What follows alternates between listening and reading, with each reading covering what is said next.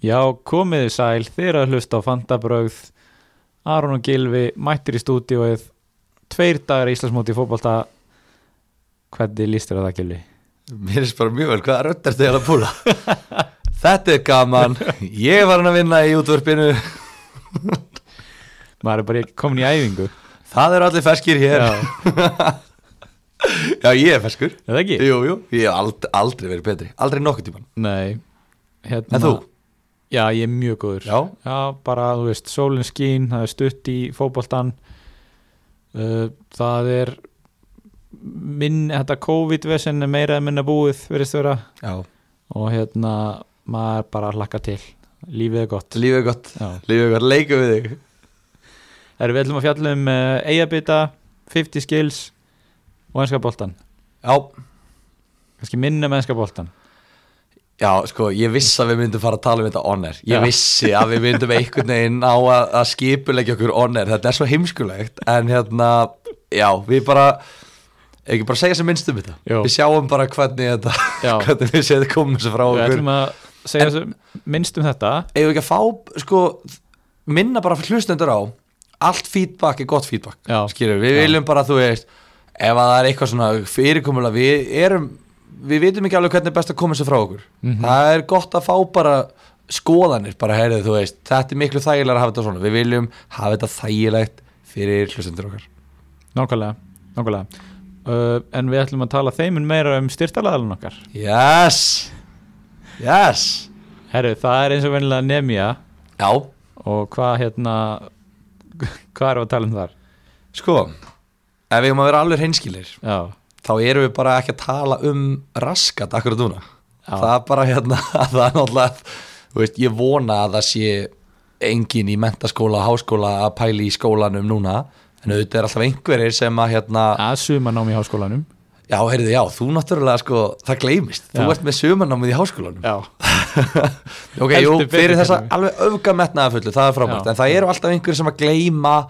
að heyri í nemi á vituna Mhm. og þeir þurfa að taka þeim afleðingum að þeir þurfa þá að heyra í skólanum á sömbrinn Mm þannig að þú veist, nemja er ekki eitthvað í fíl út í þessa aðila fyrir að gleyma sér yfir veturinn og hérna, neytar að hjálpa þeim, nemja hjálpar öllum og, hérna, og þeir gera það í sömar fyrir þá sem þurfa, þannig að ef það er einhverja núti sem vantar kennslu þá náttúrulega heyra þeir í nemju en, en við verðum að vera hinskilið, það er ekki það er, ég hef sagt þetta aður, það er skrítið að nemja sé að sponsa okkur á, á sömrin sko. þeir ætti eiginlega bara að vera með ennska boltan á vituna Já, en svo er bara spurning hvenar undirbúningstímbili hefst. Já. Hvenar fólk, alla fólk að undirbúa sig. Já, þannig að Íslandingar eru vanið löngu undirbúinustífambili Já. og, hérna, og það er bara gott að blessa Herru, En? Já, Það eru fleiri styrtaræðlar já, Ef að klára gamla góða já, það ekki. Já, Já, world class heldur betur maður. Sko, ég, mér finnst ég sjá á þér að síðan ræktinnar opnuðu að þú sér búin að vera að mæta Ég er ekki frá því, sko. Mér, mér finnst ég sjá það á þér Já, Þetta er sko, þú ert ekkert, ég vildi að við værum í sjónvarpinu Mér finnst sko, þú ert búin að vinna þér það inn að komast að fara í sjónvarpið með að hvernig þú lítur út já, Þetta er rosalegt með hérna rödd fyrir útvarp en andlit fyrir sjónvarp. Já, en nú ertu komið með að bari fyrir sjónvarp Hvað hérna, hvað, hvað ertu búin að vera að æfa? Í Eh, hvað stöð? í hérna Dalsunni Dalsröni Já Það er toppstöð mm. Er það þarna, það er jafnafyrir með ekki? Jú, Já Jú, jú Ég, els, ég elskar það sko, ég var alltaf þarna sömari 2017 Já Í vinnunni, skratt niður, liftið þungt Gekkja sko, gekkja Ú, Er þetta ekki með útsýnið þarna? Jú einföld formúla bara útsýni yfir að hana Reykjavík Vá, sko, það sem ég hef hjólað og hort á bílana Þetta er svo satisfying svona svona einhver, ég veit ekki, jarteng eða núlstilling skilur, þetta er bara svona, maður fór í algjört flæði að horfa bara á umferðina matla á, þetta er rísa hérna, gatnamót mm -hmm. og þú ert bara þarna á hjólinu bara sko, vá maður ég elska þessa stöð, ég elska hana gaman að þú elskir hana líka Já, við erum að fara saman einhvern tímann algjörlega En svo erum við líka með nýjan styrtaraðala við erum með nýjan styrtar Já. það eru allir, það eru allir vilja vera með á fantabræðvagninum, djúvill elska ég þetta Og það er hérna pikkið já, Ertu búin að heyra um þetta? heldur betur Þetta er nýr tippleikur Það sem að þú átt að spá fyrir um úslitin í íslenska boltanum Pepsi Max, eh, Kalla og Kvenna og þetta er svona, bara svona frekar basic 1x2 bara að segja, þú veist, vinnur annar liðið eða að vera játtifli og svo getur þú sagt sko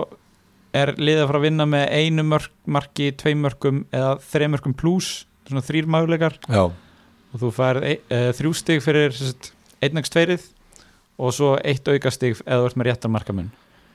já þannig að þú, þú gískar á hvaða lið vinnur já, og með hversu miklu mörgum já, en ef þú gískar á jafntefli þá þarf það að gíska á í rauninni rétt jafntefli, 0-0 jafntefli eða 1-1 já eða 2-2 pluss Já, þannig að 2-2-3-3-4 já, já, já, já. já, já, En þetta er, þetta er eins og með fantasy-deildirnar þetta er alveg aðskilið kall og kvenna er það Já. ekki? þú, veistu, svo, þú getur skráði bara í fantasy-kalla eða bara í fantasy-kvenna þú ert ekki með eitthvað svona þetta er ekki, já þetta er aðskilið algjörlega þannig að ég Og þarf að búa til tvo akkánta hérna- já, eitt fyrir kalla og eitt fyrir kvenna Já, en það góða við það er að það eru vinningar í báðum leikjunum þannig að auðvitað er best að vera með í hverju tveggja já, til og að líka eiga betri möguleika á vinning bara ná, þetta er bara nákvæmlega sama fyrirkomulag og fantasy-deildirnar Já, og það er náttúrulega, já bara tvö, tvöfaldar möguleikana þetta er náttúrulega allt snýst þetta um að reyna að sjá fyrir hvað gerist í fótbolta já. og við elskum það Mér, mér finnst mér finnst alveg komin tími á svona M- mér finnst klárlega markaður fyrir þessu Algjörlega, maður hefur te- stundum tekið þátt í svona leikjum í kringum stormót og svo leiðis já, einhverju svona pottar í vinnunni og eitthvað algjörlega en núna er þetta bara komið til að vera svo líka þú veist, Íslandsmótið er svo stutt þetta eru 18 og 22 leikir Já, þú veist, stórmótið er alveg 18 umferð þú veist, það er riðlakeppnin og á- bla bla bla skýru Já. þú veist, þetta er ekki það mikið þannig að mér finnst þetta, mér finnst þetta bara geggjað sko, já Ég hlakka til að uh, sópa velðinunum í Svo er oktober uh, hérna, tvent í þessu í viðbót í, í hérna pikkinu þá er það er svona eiginlega fyrirlega val Ú, þannig að já, einn leikurinn gildir tvöfald já þannig að það, vá. þá þarf að velja vel og merki svona með kórunu, það er ekki band það er kóruna Þannig að þú getur tvöfaldað þarna 1-0 spána þína hjá gróttu í fyrsta leik Já. sigrinum á, á Bri- blikunum ég ætla bara að hól, hólka öllu á það en hérna svo er þetta búið til enga deildir fyrir þú veist vinahópin og, og hérna eða vinnuna hvað sem er Já, það er vandalega vinsælast Vinsælasta fyrir svona formatið. hópa Já, myndi maður halda sko algjörlega líka þægilegt með þetta þú veist ef maður missir úrskilur eða þú veist ef maður byrja setna þá bara mm. Mhm. maður í hópin bara "Hey, ekki bara byrja í þriðjum fyrir þú veist en alltaf, allir sem eru að hlusta núna þeir náttúrulega verða mættir fyrir fyrstum fyrir það skiptir öllu máli að byrja á réttin tíma já, Það er bara eins og Nemja myndi segja Byrja á réttin tíma já, já, ég segi það sko Já. Erðu? Hei, hei Eyja bytti Hei, að byrja Sko það kom frétt í vikunni Um liðin okkar Á fótbolta.net Já, uh, Þar Liðið þitt þar Var allt annað lið En að þú varst búin að vera að tala um henni síðastætti mm Sem komið svo sem ekkit óvart Nei, nei. og það er líka bara orðið allt annað lið í dag heldur en það var í fréttinni Já, það er svo og ég vissi þetta skilur þú Já. veist, ég, maður hefði kannski viljað að það hefði fyllt fréttinni Já. aðtugið, engin af þessara leikmanna verður í alvöru í liði gilva þú veist, þetta er, þetta er ekki hægt sko í alvöru, en ég er eiginlega búin að festa vörnina mína, Já, búin að læsa henni ég er eiginlega búin, eiginlega búin að læsa henni, Já,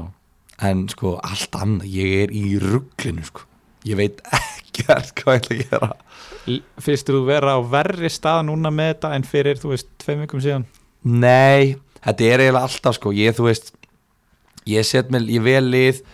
ég pikka svona upp svona, þú veist, og hverja verði ég að hafa mm. nema núna er ég, ég það, þetta er svo erfitt út að við erum talað um þessa fjóru stóru, við erum talað um Hilmar Átna Tómas hérna, Mikkelsen, mm Mhm. Patrik Pedersen, Óttar Magnús fjórir dýrustu luxuskæðarnir Mm -hmm. veldu þrjá, Já, en mér finnst þeir eiginlega allir vera must have þannig Já. að ég get, þú veist, það var svona alls konar svona pælinga að hérna byrtist nú líka liðans uh, Sindrasnæs fyrir Markmanns Káer og aðtafnum hans já, já, hann var bara með alla fjóra já ég, hérna, og raðaði svo bara svona aðeins minni nöfnum í kringum það Já, ég Já, ég held líka að hann vinni ekki þessa deild í sumar, Nei. Ég- bara með fullri vinningu ég, held- ég veist, það var þetta fín, fínasta lið en ég, er Já. svona, ég held að þú, þú verður að dreifa ekkjunum aðeins Já, að mínum að því Þannig að hérna, en ég, ég kom með svona 25 manna leikmannhóp ok svo það er bara, Tuttu- Svo það er bara að skera niður og velja já, á þetta er bekkinn bara og... höfuverku fyrir mig sem þjálfara liðsins að hérna, svo það er bara að velja leikmannhópin og það eru náttúrulega, það verður einhverju fúlir að komast ekki í hópin, það er nokkuð ljóst og hérna, það vilja náttúrulega allir byrja inn á Já, en hérna, menn verða þá bara að taka það á kassan og, og, og leggja sér bara betur fram og sína að þeir eigi skili sæti í liðinu Mhm. og, hérna, og, og þá bara fáðu tækifæri ok, hérna hverjir eru farnir út ég, ég man ekki eins og hvað þetta er liðið, ég veit út í frettinni sko uh, sko í fyrsta þætti talaði ég um að ég var ekki með Hilmar Ráta já, og hann smettaði mig með tveimur mörgum kortir setna já, og þannig að ég svona ég man ekki í öðru þætti hvort ég var komið með hann eða ekki en í fréttinni var ég allavega ennþá ekki með hann já þá varstu búin að þú varst sko komið með hann inn í mittiltíðinni já, og svo, svo sá ég fréttina og þá var ég bara nei, ég er búin að henda honum út aftur ég nefnilega tók hann út aftur sko. en hann er komin aftur inn ok, og þetta segir bara, segir bara sitt, þú veist, þetta bara þetta er ekki ég veit ekki hvað ég er að gera við sjálfum mig hérna, sko. ég, þú veist, ég komum liðið mitt núna, ég var að fykta í þessu hérna áðan á meðan í beigða því að ég náttúrulega mæti eins og, eins og nefnir segir, byrja á réttum tíma ég, Já. ég mæti yfirleitt á réttum tíma í Mhm. podcastið mm þannig ég fæ yfirleitt nægjan tíma til að hérna, býða já þannig að uh, það sem við erum að tala um ég er komið með mjög skrítið lið akkur núna hvað mennur eða skrítið svona skrítið að því leita ég er með þrjá leikmenn í breyðablík já, og tveir þeirra eru sko ekki í mörgum liðum ok, þannig að við förum bara hrættu við liði ég er með Aron ennþá í markinu já sama hvað ég reyni að taka hann út ég setti Gunnar Nílsen þarna aðeins mm. en, en ég enda alltaf á, á, á mínum manni Aroni ok, ég er ánaður með vördin ég held ég sé að pikka þetta freka vel Ástbjörn er á bekknum 4,5 já, uh, byrjunarliðið eru þrýr varnamenn það eru Kristinn Jónsson á 7 Heiðar Ægis á 5,5 mm og Orri Sigurður á 5,5 uh, já Eh, við höfum verið að fá svona sterkar vísbendingar um það að Íður Aron muni byrja á bekknum í fyrsta leik algjörlega, og þá eru Orri og Rasmus í, í hafsendunum sem er bara þú veist mér, ég er ekki mættur hérna til þess að fjallum hver á skilið endilega sæti í liðinu og hver á endilega ekki skilið nei, Þú nei veist, þetta eru bara þetta er allt góðu leikmenn, ég hef kannski séð minnst af Rasmus af þessum þremur en hérna þú veist, en ég held bara að Orri byrji og hann er á 5,5 miljónir í valsliðinu og mér finnst það bara bara hörku valjú í því held ég já, ég sammála því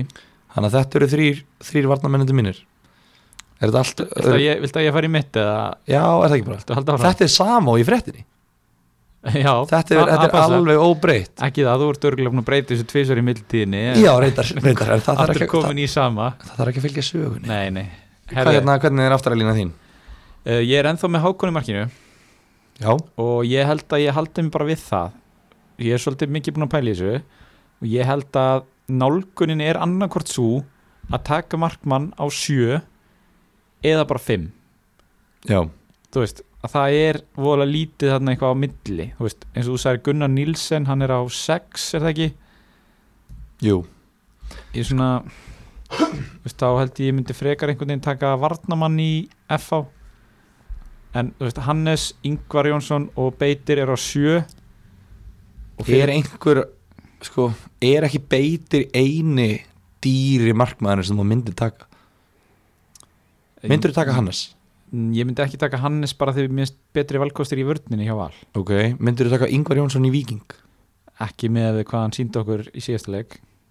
Nei, og, og hvað hann hefur verið að sína okkur hinga til, sko já, ma- og líka, skýrðu, veist, ef ef þú hugsar um Vikingsliðið, hmm. er þetta lið sem er að fara að halda mikið hreinu í sömur? ég svona, nei, ég myndi kannski ekki, ekki endilega tippa á það og fyrir utan það þá finnst mér bara, það væri eiginlega sóun að eigða vikings slotti í markmannin, Já, það er, það sammála því nei, af því að Nei. þú, þú ert, það, það eru bara tvö slott fram á því sem koma til greina. Það er bara Ágúst Lins og, og Óttar Magnús, mögulega Helgi Guðjóns. ok, Þa, það er ekkert annað sem kemur til greina fram á við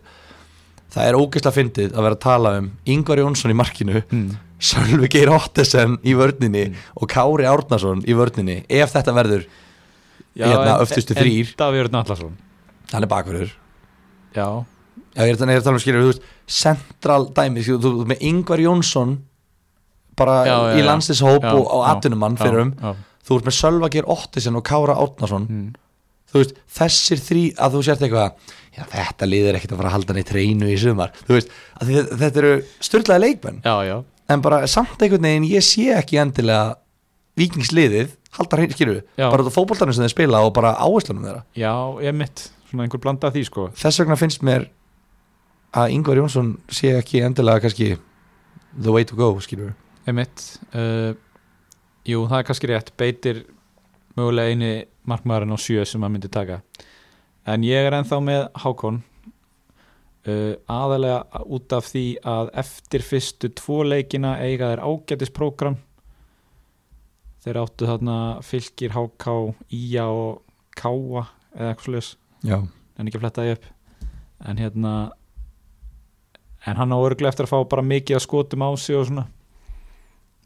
já, vonandi ég halda þér hreinu öðru hverju og ég, þess vegna er ég með ástbjörn líka á bekknum já, já. en þú ert, þú ert ekkert eitthvað hérna, að pæli því að þú veist, þ- mér finnst kannski hafa vanda svolítið í okkar umfjöllun mm. að ég, eða allavega fyrir mig, Mm. mitt leiti ég er búin að vera að horfa of mikið á 22 leika tímabil skilur við, já, já, já, ég er aðeins að breyta núna og ég er að hugsa þér, ég ætla að fara bara núna að hugsa max fjóra leiki, mm eiginlega tvo já. tvær umferðir ég er ekkert að hugsa mikið lengra en það út af hérna velkartinu já. ég pínu sammála, ég er búin að vera að horfa núna á hérna Pepsi uppbytuna hjá Gumma Ben já, þar fara þeir eru fyrstu fimm leikin hjá hverju liði og þá er maður svona svolítið að opna augun fyrir þessu já, að hérna eh, HK til dæmis mjög erfitt prógram í byrjun mm -hmm. og hérna ég var með Hörð Átnason á 5 miljónir já. og meðal annars út af leikja dagskráð þá hvað ég að henda honum út já, nokkulega og allt í einu án atrinu er ég kom með sko þrjá valsara í liði á natrænu bara, en, en það er valur bara, þú veist, jú, káur í fyrsta leik já. prógrumið þeirra er bara allt í lagi eftir það já, nefnilega ég held er eigi eitthvað af sérst, svipuðum liðum og ég nefndi á hann það var hérna IAK fylgir HK já, gróta Veist, þessi lið eftir fyrsta leik þannig að ég er komið bæði Rasmus og Orra í vörnina já. það er áhugavert og svo erum við Kitta Jóns þannig að ég reiknum með að þessir þrýr ef þeir spila náttúrulega ég held að Rasmus sé kannski örugari með sæti sitt en Orri já, og hérna náttúrulega ef þeir spila báðir að þá er þetta bara þá er vörnin læst eins og þú segir já, já þessi þrýr, tveir valsarar og Kitty er að fara að byrja bara og svo kemur áspjörn inn á bekknu ef ein- ef einhver spilar ekki þetta er nefnilega, ég held að áspunn verði geggjaður tólti maður já, í liðinu í sumar sko bara ég, ég held hans ég að fara að byrja alla leiki mm og bara þú veist, vonandi tvö stygg vonandi sé, eru þeir ekkert að fara að hám í sig mörg eða þú veist, fá á sig mikið mörg og hvað það var fárhald orða, orðalag háma í sem verð háma, eða þú veist, ekki, þú veist fá, fá á sig fullt af mörgum Já. ég er hérna ég er að fíla þetta en hérna, eh, já þú veist hann að 4,5, já ég held að það Já. sé margið með hann sem 12 mann já. Uh, ég er með Hilmar Átna það er ekkert að fara að breytast ég er með Ágúst Lins það er ennþá hann er ennþá í liðinu uh, Axel Sigurar er komin inn fyrir hérna í gróttu sem ég var með hérna, hvað er hann, Veist- Kristoffer já, já, varst Já. með Kristofur Já, ok, þannig að ég breytti bara upp á budgetið sko já, uh, og hérna Axel hefur náttúrulega verið að sína fínan takta líka. já, Svo var ég með Valdimar ok og í fylki, í fylki já, og ég svona náttúrulega spilaði ekki síðasta leik en það er talið að hann muni starta fyrsta leik í, í Pepsi sko ég fór að hugsa þetta og ég sett inn á uh, Instagramið okkar hvort við varum ekki að gleyma einu manni mhm sem er Sigur Egil Lárusson já, sem hefur verið, sko heimir hefur verið svona nokkuð fasthaldin á liðið sem er að spila í æfingarleikunum og það virðist vera sem að hann sé fyrstum ára blað í þessari tíu stöðu já, í hólunni kostar 8 miljónir, hefur sínt fína takta í fantasy í gegnum tíðina þannig að ég er komið hann í liðið frekarinn Valdimar Já, ég er bara og, og- og fylki líka á fyrstu tvei leikinnir og fylki er náttúrulega stjarnan á útivelli og breyðablik heima. Emmett, Þeir reyndar unnu blikana heima í, í fyrra minni mig fjögur þrjú og Valdimar fór að kostum held ég í jafnvel báðanleikunum en allavega hérna já, þú veist, stjarnana úti við- þú veist, þeir hafa alltaf farið ítla í galabænum bara síðustu ár, eftir, eftir því sem ég mann bestu hafa ég einhvern veginn aldrei átt sénst þannig sko. en hérna, þannig að Sigurður Egil ef við erum að bera saman tíur, Valdimar í fylki Mhm. eða Sigurður Egil í val ég held að valsarar séu að fara að fá fleiri sóknir heldur en fylgir, ég held að sé alveg óhætt að að orða það þannig Já, ég held að það sé bara að fara að skora fleiri mörg Já. og, og líka bara þetta leikiprógram sem ég talaði um áðan sko. það var líka það sem að ítti mér svolítið yfir línuna að gera þessa skiptingu Já, algjörlega sko, ég bara ég gútir að þetta, ég bara reynlega vissi ekki að Sigurður Egil væri hugsaður í einhverju stóru hlutverki hjá val, um mitt ef, ef það er, er svoleiðis en bara flott, flott fyrir hann ef, ef það er mm ef það er pælingin og þá náttúrulega fyrir 8 miljónir, þú veist, það er ástæði fyrir því að hann kostar ekki meira hann náttúrulega, ef hann væri búin að spila alla þessa leiki, byrja eins og í fyrra og svona, þá væri hann auðvitað dýrari, Mhm. út af því hann væri auðvitað búin að delivera fleiri stigum en hérna, ég held að hann að 8 miljónir geti verið svona falin demantur Já, svolítið sem við erum eiginlega opinbera, eða það vitið allir skilur Já, núna en þetta er, ég, þetta er mjög spennandi hvernig þetta kemur út algjörlega uh, og svo síðasti maðurinn á miðjunni er þá uh, Allirhafn í Viking Já, 5.5 ég sett inn könnun á hérna grúpun okkar já, hvað væri besti miðmarinn á 5.5 eða minna og grafavúrin svoleiðis hólkaði sér inn á hana og hallvarði rústaði þessara kostningu já, já. hann að hérna ég veit það ekki, mér þannig að þú okkar að taka alla já, hann að ég Þú veist, allar rústaði kostningunni Nei, Þá endaði ég á alla sem að er mögulega ekki eins og að fara að byrja inn á í sumar já, samt hún hefur verið stilt upp í, í líklegu byrjunliði og hefur fengið að starta æfingarleikina og svona, þannig að þú veist, hefur kannski ekkit sprungið út hinga til en að sama skapið að verður hann líklega 50 maður á miðinni hjá mér þannig að ég hef ekkit ómiklar ágræður Nei, nei, nei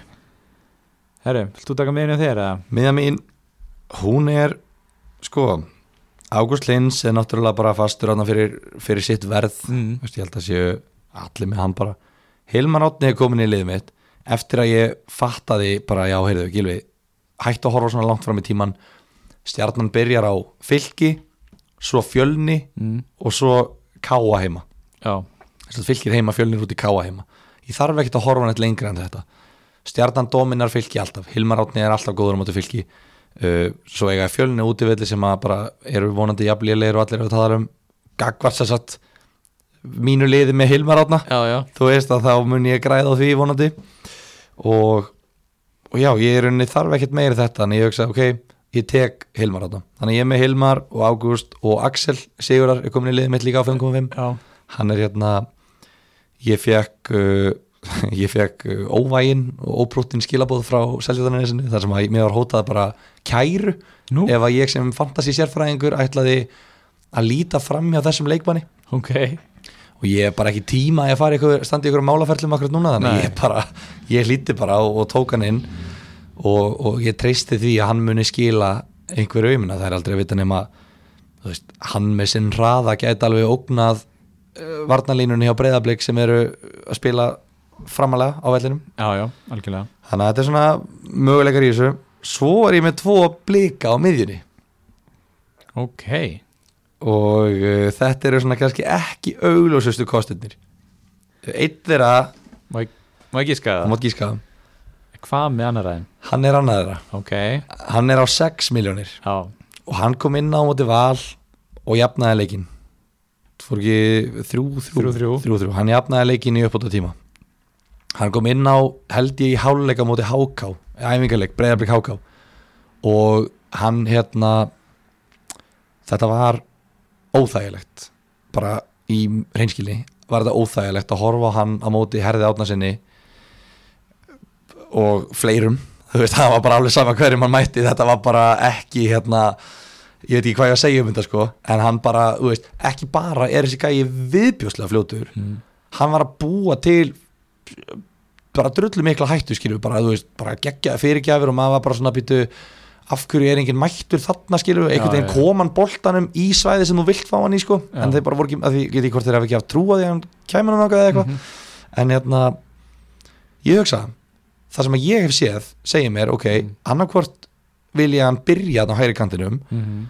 eða þá að Óskar sjá hann sem stórt hlutverk sem varamaður já, að þú kemur, þú veist, það eru fimm skiptingar og svona já, byrjum að hafa, þú veist, kannski Viktor Karlarna hægra megin og reynum að láta hann hlaupa eins og titlingur í 50-60 mínútur Mhm. svo kemur, þú veist, ég myndi byrjum skiptingu immediately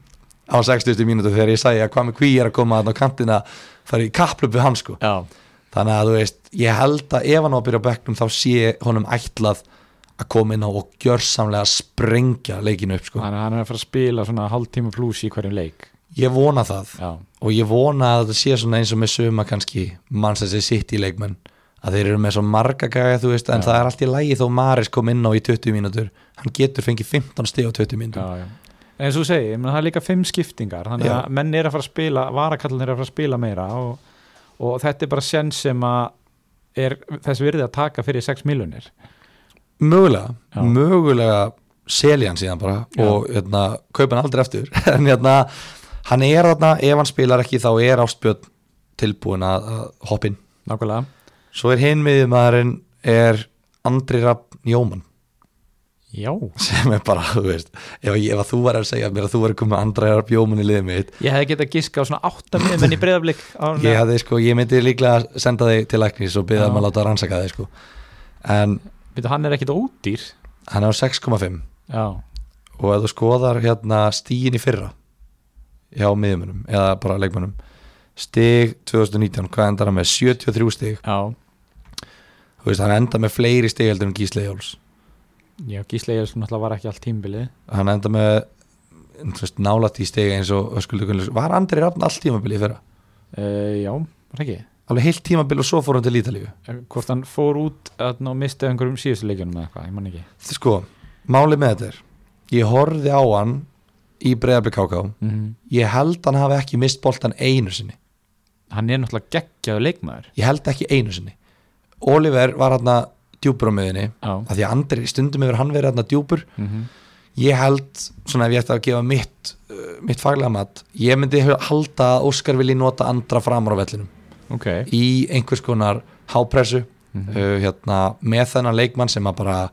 er með þessa reynslu, þú veist, hann missir ekki boltan og hann, er með, hann getur búið til færiskilu, hann getur alveg laumað einn stungusendingum og svona mér finnst þetta svona, þú veist, það hefur alveg talað um skilu, hann hefur alveg fengið svona sína uppreist æru síðustu ár, fattaru en samt einhvern veginn alltaf bara horta á hann sem einhvern marathonhlaupara sem gerir ekkert um að hlaupa, þannig að ég held að hann muni koma að einhverjum mörkum í fyrstu leikjunum mm ég held hann sé verði líkilmaður framarlega á miðjunni hann með gísla, þeir tveir verða þarna bara eitthvað að fýblast ég held að hann muni skora og ég held að hann þurfi ekki einu svona skora til þess að fá bónustíðin Já, já, hann er það góður þetta er svona típisku leikmaður svona, já, Andri Rapp stjórnaði spilinu og bara misti ekki boltan og bla bla bla Mm. skilur bara svona eins og bónustíðin hafa verið gefin undan fyrir nár Já, við kannski þurfum að leggja sér smá rannsóknum að sjá hvort að, hvernig þetta verður metið núna, af því að núna er miklu meiri umfjöllun um þetta um, Já. um Ísland, það verður aldrei verið umfjöllun um íslenska fantasíð áður ever, næ, þannig að núna er komin svona, er komin miklu meiri pressa á fréttaréttar af fótbollabúðunni hvernig þeir alltaf velja þetta já, já maður hefur setið heima á þessar og bölvað svoleiðis einhverjum fréttarétturum í sand og ösku fyrir að gefa ekki leikmennum sem skoraði þrennu bónustígin Já, já, já, íkt dæmi en já, ég skil hvað En það hefur alveg komið komið, þú skorað 2-3 mörg og bara Já, já. fær ekki bónustið, bara Já. byrju hvað okkur út af því að þessi djúpi miðjumæður stjórnaði spilinu og vann skallaboltar skilur, bara, "Ah!" þú veist þú veist, alveg að vera brjálaður þannig að eins og er er ég með þessa tvo Ok, og ég get ekkert var miðan þá komin já, þetta er, þetta er svona tilfinningarlega miðja eins og er þetta er svona tilfinningin fyrir kvami og, og andra Já, þannig að ég, já, ertu að horfa bara í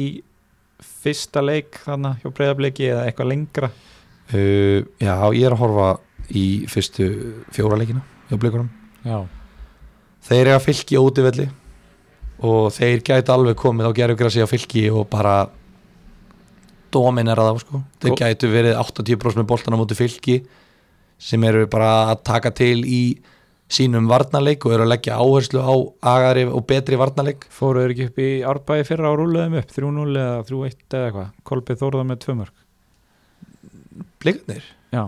nei þeir töpuðu við fyrra, 4-3 held ég Valdimar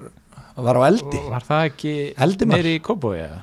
Nei, Er ég Ka- ruglast? já, Er Castellón ég- skoraði þrennu í síðasta leika fjögur þrjú, þeir voru næstu í kornil baka lendu fjögur og lundir já, Já, mann eftir þeir, sk- já, þeir lendu fjögur og lundir í Kópói Mm. og Castellón skoraði svo þrennu og þeir klúðru döið að fara í uppbótatíma skot í stöngina eða eitthvað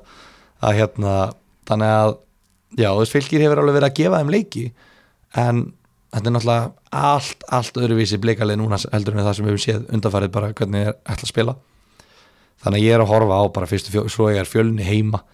bara, þú veist, bara ég ætla að signa mig hérna sko bara guð blessi fjölni þegar þeir mæta í- á Kópavarsöll þannig að þetta eru kannski fyrstu þríleikinir Já, blikarnir eiga bara drullu gott prógram fyrstu þrjáleikina og ég hugsaði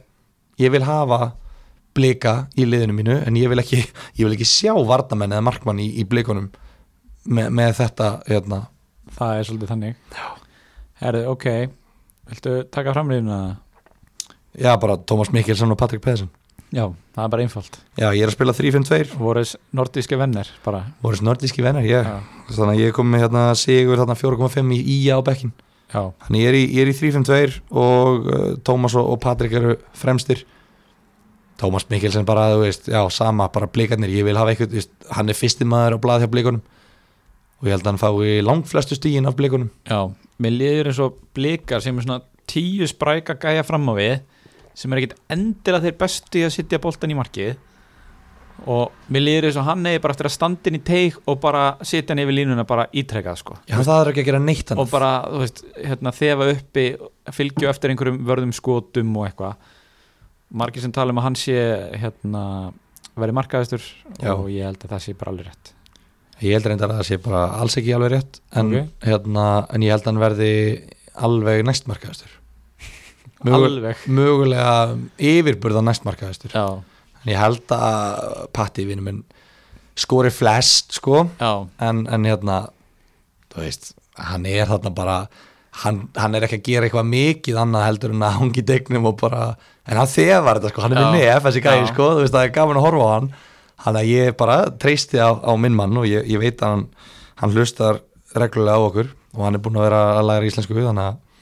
þannig að bara við, við treystum á þig vel gert en þú, þú ert með þá tvo er það ekki ég er með Tómas Mikkelsen og ég var með Óttar Magnús á 11.5 Já, uh, sko ég ákvað að selja óttar af því að það leiði mér að gera einhverja tvæ, þrjá breytingar og mér leist bara betur á blönduna sem kom inn eftir ég seldan já, skilur mig, já, já, Þú veist, ég tók inn hérna, þú veist, Rasmus og Orra í vörnina já. og ég tók inn þú veist, allarhafn á miðina uh, og leikmaður sem kom í framlunina núna Stephen Lennon það er Lenny já, hvað, þrjú mörg og eitt assist er það ekki, á móti hérna mútið fjölni já, jú, að, þú veist, það er eitthvað að tala um að einhver hafi snert boltan eða ekki snert boltan eða eitthvað svona, jésus skiptir ekki öllu máli en ég menna gæin er bara prúið markaskorri lítur vel út núna á þessu stutta undirbúnstímbili mm -hmm. uh, við höfum ekkert talað um FH ekki neitt og það er ógeðslega að fyndi að því að við höfum kannski vendilega verið að fá einhver skilabóð um það eða eitthvað slikt en við höfum bara ekki og þú veist, ég var eiginlega svona ég fattaði eiginlega eftir við tókum síðast átt bara hvað, við- þú veist, við höfum bara ekki talað um FH hvað vilt þú segja um FH? hvað hefur þú, að- sko- segðu mér, hvað hefur þú að segja um FH-lið? sko, ég, ég meina þeir verða klála í baráttu um kannski ekki eginn þetta titiliðin bara áttum top 6 topp fjóra, já, ok, held ég uh, þeir eru búin að styrkja liðið svona það svona læðist aftan, aftanamanni hvað þeir eru búin að styrkja liðið já, en sko, Fyrst það Aron ekki? Já. jú, en málið er, við erum ekki innkastið við erum Nei. fantasy podcast Já, ég veit alveg að við getum verið að spekulera hvort að Emil Hallfreð sé að koma inn og, og hérna eitthvað svona hvort að Björn Daniel ætla að drulla sér í gang Mm. eftir síðasta tímanbil og bla bla bla það eru bara, þú veist við erum fantasy podcast þú veist, hvað hva viltu segja mér með fantasy liðið FA Já. Þú veist, þetta er fantasy lið hafnafjörðar þú varst að tala um Nei, ég segi svona, ha, Já. má aðeins djóka að má sprella í stúdíunum ég elskar hvað það var slengi eða þú varst að tala um hérna, Gunnar Nílsen á 6 Já. þú veist, þú varst nú komið með hann á tímúti í liði en, og hérna og það er svona flestir talum að hann sé að fara að starta hann í markinu já, sko, já, en svo ég skjótið inn í Já. ég held að hafa eiginlega bara verið af einhverju meðvirkni ég er orðin svolítið meðvirkur fyrir þessu sko að því að þú veist eitthvað, ó, því að við ekkert talað um FH Mm. maður er eitthvað svona, já, jú, þetta er rétt þú veist, maður verður að gefa ykkur þá virðingu að búið að vera topplið síðustu 15 árin og bara auðvitað á maður að vera með einhvern í FH Mm. þannig að það var bara auðvitað að taka markmanna því mér er Já. drullu saman hverju markmaður ég veit ekki, þessi- þú veist, jú, allir Gunnar Nilsen byrja ekki með við umfjöllun fjölmiðla Já, en þú veist, ég hef ekkert séð og, og fæ ekkert að sjá á F-liðinu eins og hefur komið fram í fjölmiðnum líka þannig að já, ég veit það ekki á, Það tí, er, á tímubili var ég komin með Pétur Viðas í liði já, ég líka sko en svo Já. hugsaði, nei, hann er ekkert ódýr leiðin í F-vörnina en svo er maður bara þeir- væntanlega er þeir að fara að spila sko Hjörtulogi, Höttulöp Guðmann og Gummi Kristjáns þú myndir halda það, Já, en samt sko ég man ekki eftir því að Pétur Viðarsson hafi verið í FH og ekki fengið að spila já, ég er ekki að tjóka, hann hefur verið hann í Ástralíu og alltaf bara eitthvað, já ég er bara eitthvað að tana, ég jogg eitthvað á ströndinni svo kemur hann og þetta er bara eitthvað dýr þetta er bara eitthvað fárálegt shape á þessum kæja kemur hann einn labbarinn í liðið það er bara þú veist fárálega drífandi skýru aggressífur geggjaður skýru þú veist, ég veit ekki af hverju ætti hann að byrja eitthvað núna, þú veist, jújú, jú, hann var hættur hann er ekki að koma að það bara með eitthvað bumbu, bara að leika sér sko nei, þú veist, sannarlega þetta ekki er Pétur Viðarsson Já, ég get alveg sér fyrir mér að hann veri bara, þú veist, ég veit ekki hvort hann byrja í fyrsta leik, það er ástæðan fyrir að ég er ekki með hann í liðinu það kemur ekkert óvart ef hann myndi bara byrja í fyrsta leik nei, það kemur bara heldur ekkert ávart ég er bara er tím Pétur Viðas sko Já, en svo reyndar er mjög líkvægt að hann fái beint raut í fyrsta leik og tvekja þryggja leik bann sko, þannig að það er ekkert gaman að vera með hann, þú ert alltaf tippland á tánum í Já. kringum það, þú veist að það er alltaf að styttast og styttast í heimskulega rauðaspjaldið Það það er- mun alltaf koma fyrir það er svolítið þar að minnsta kosti eitt á tímabili og ég er svona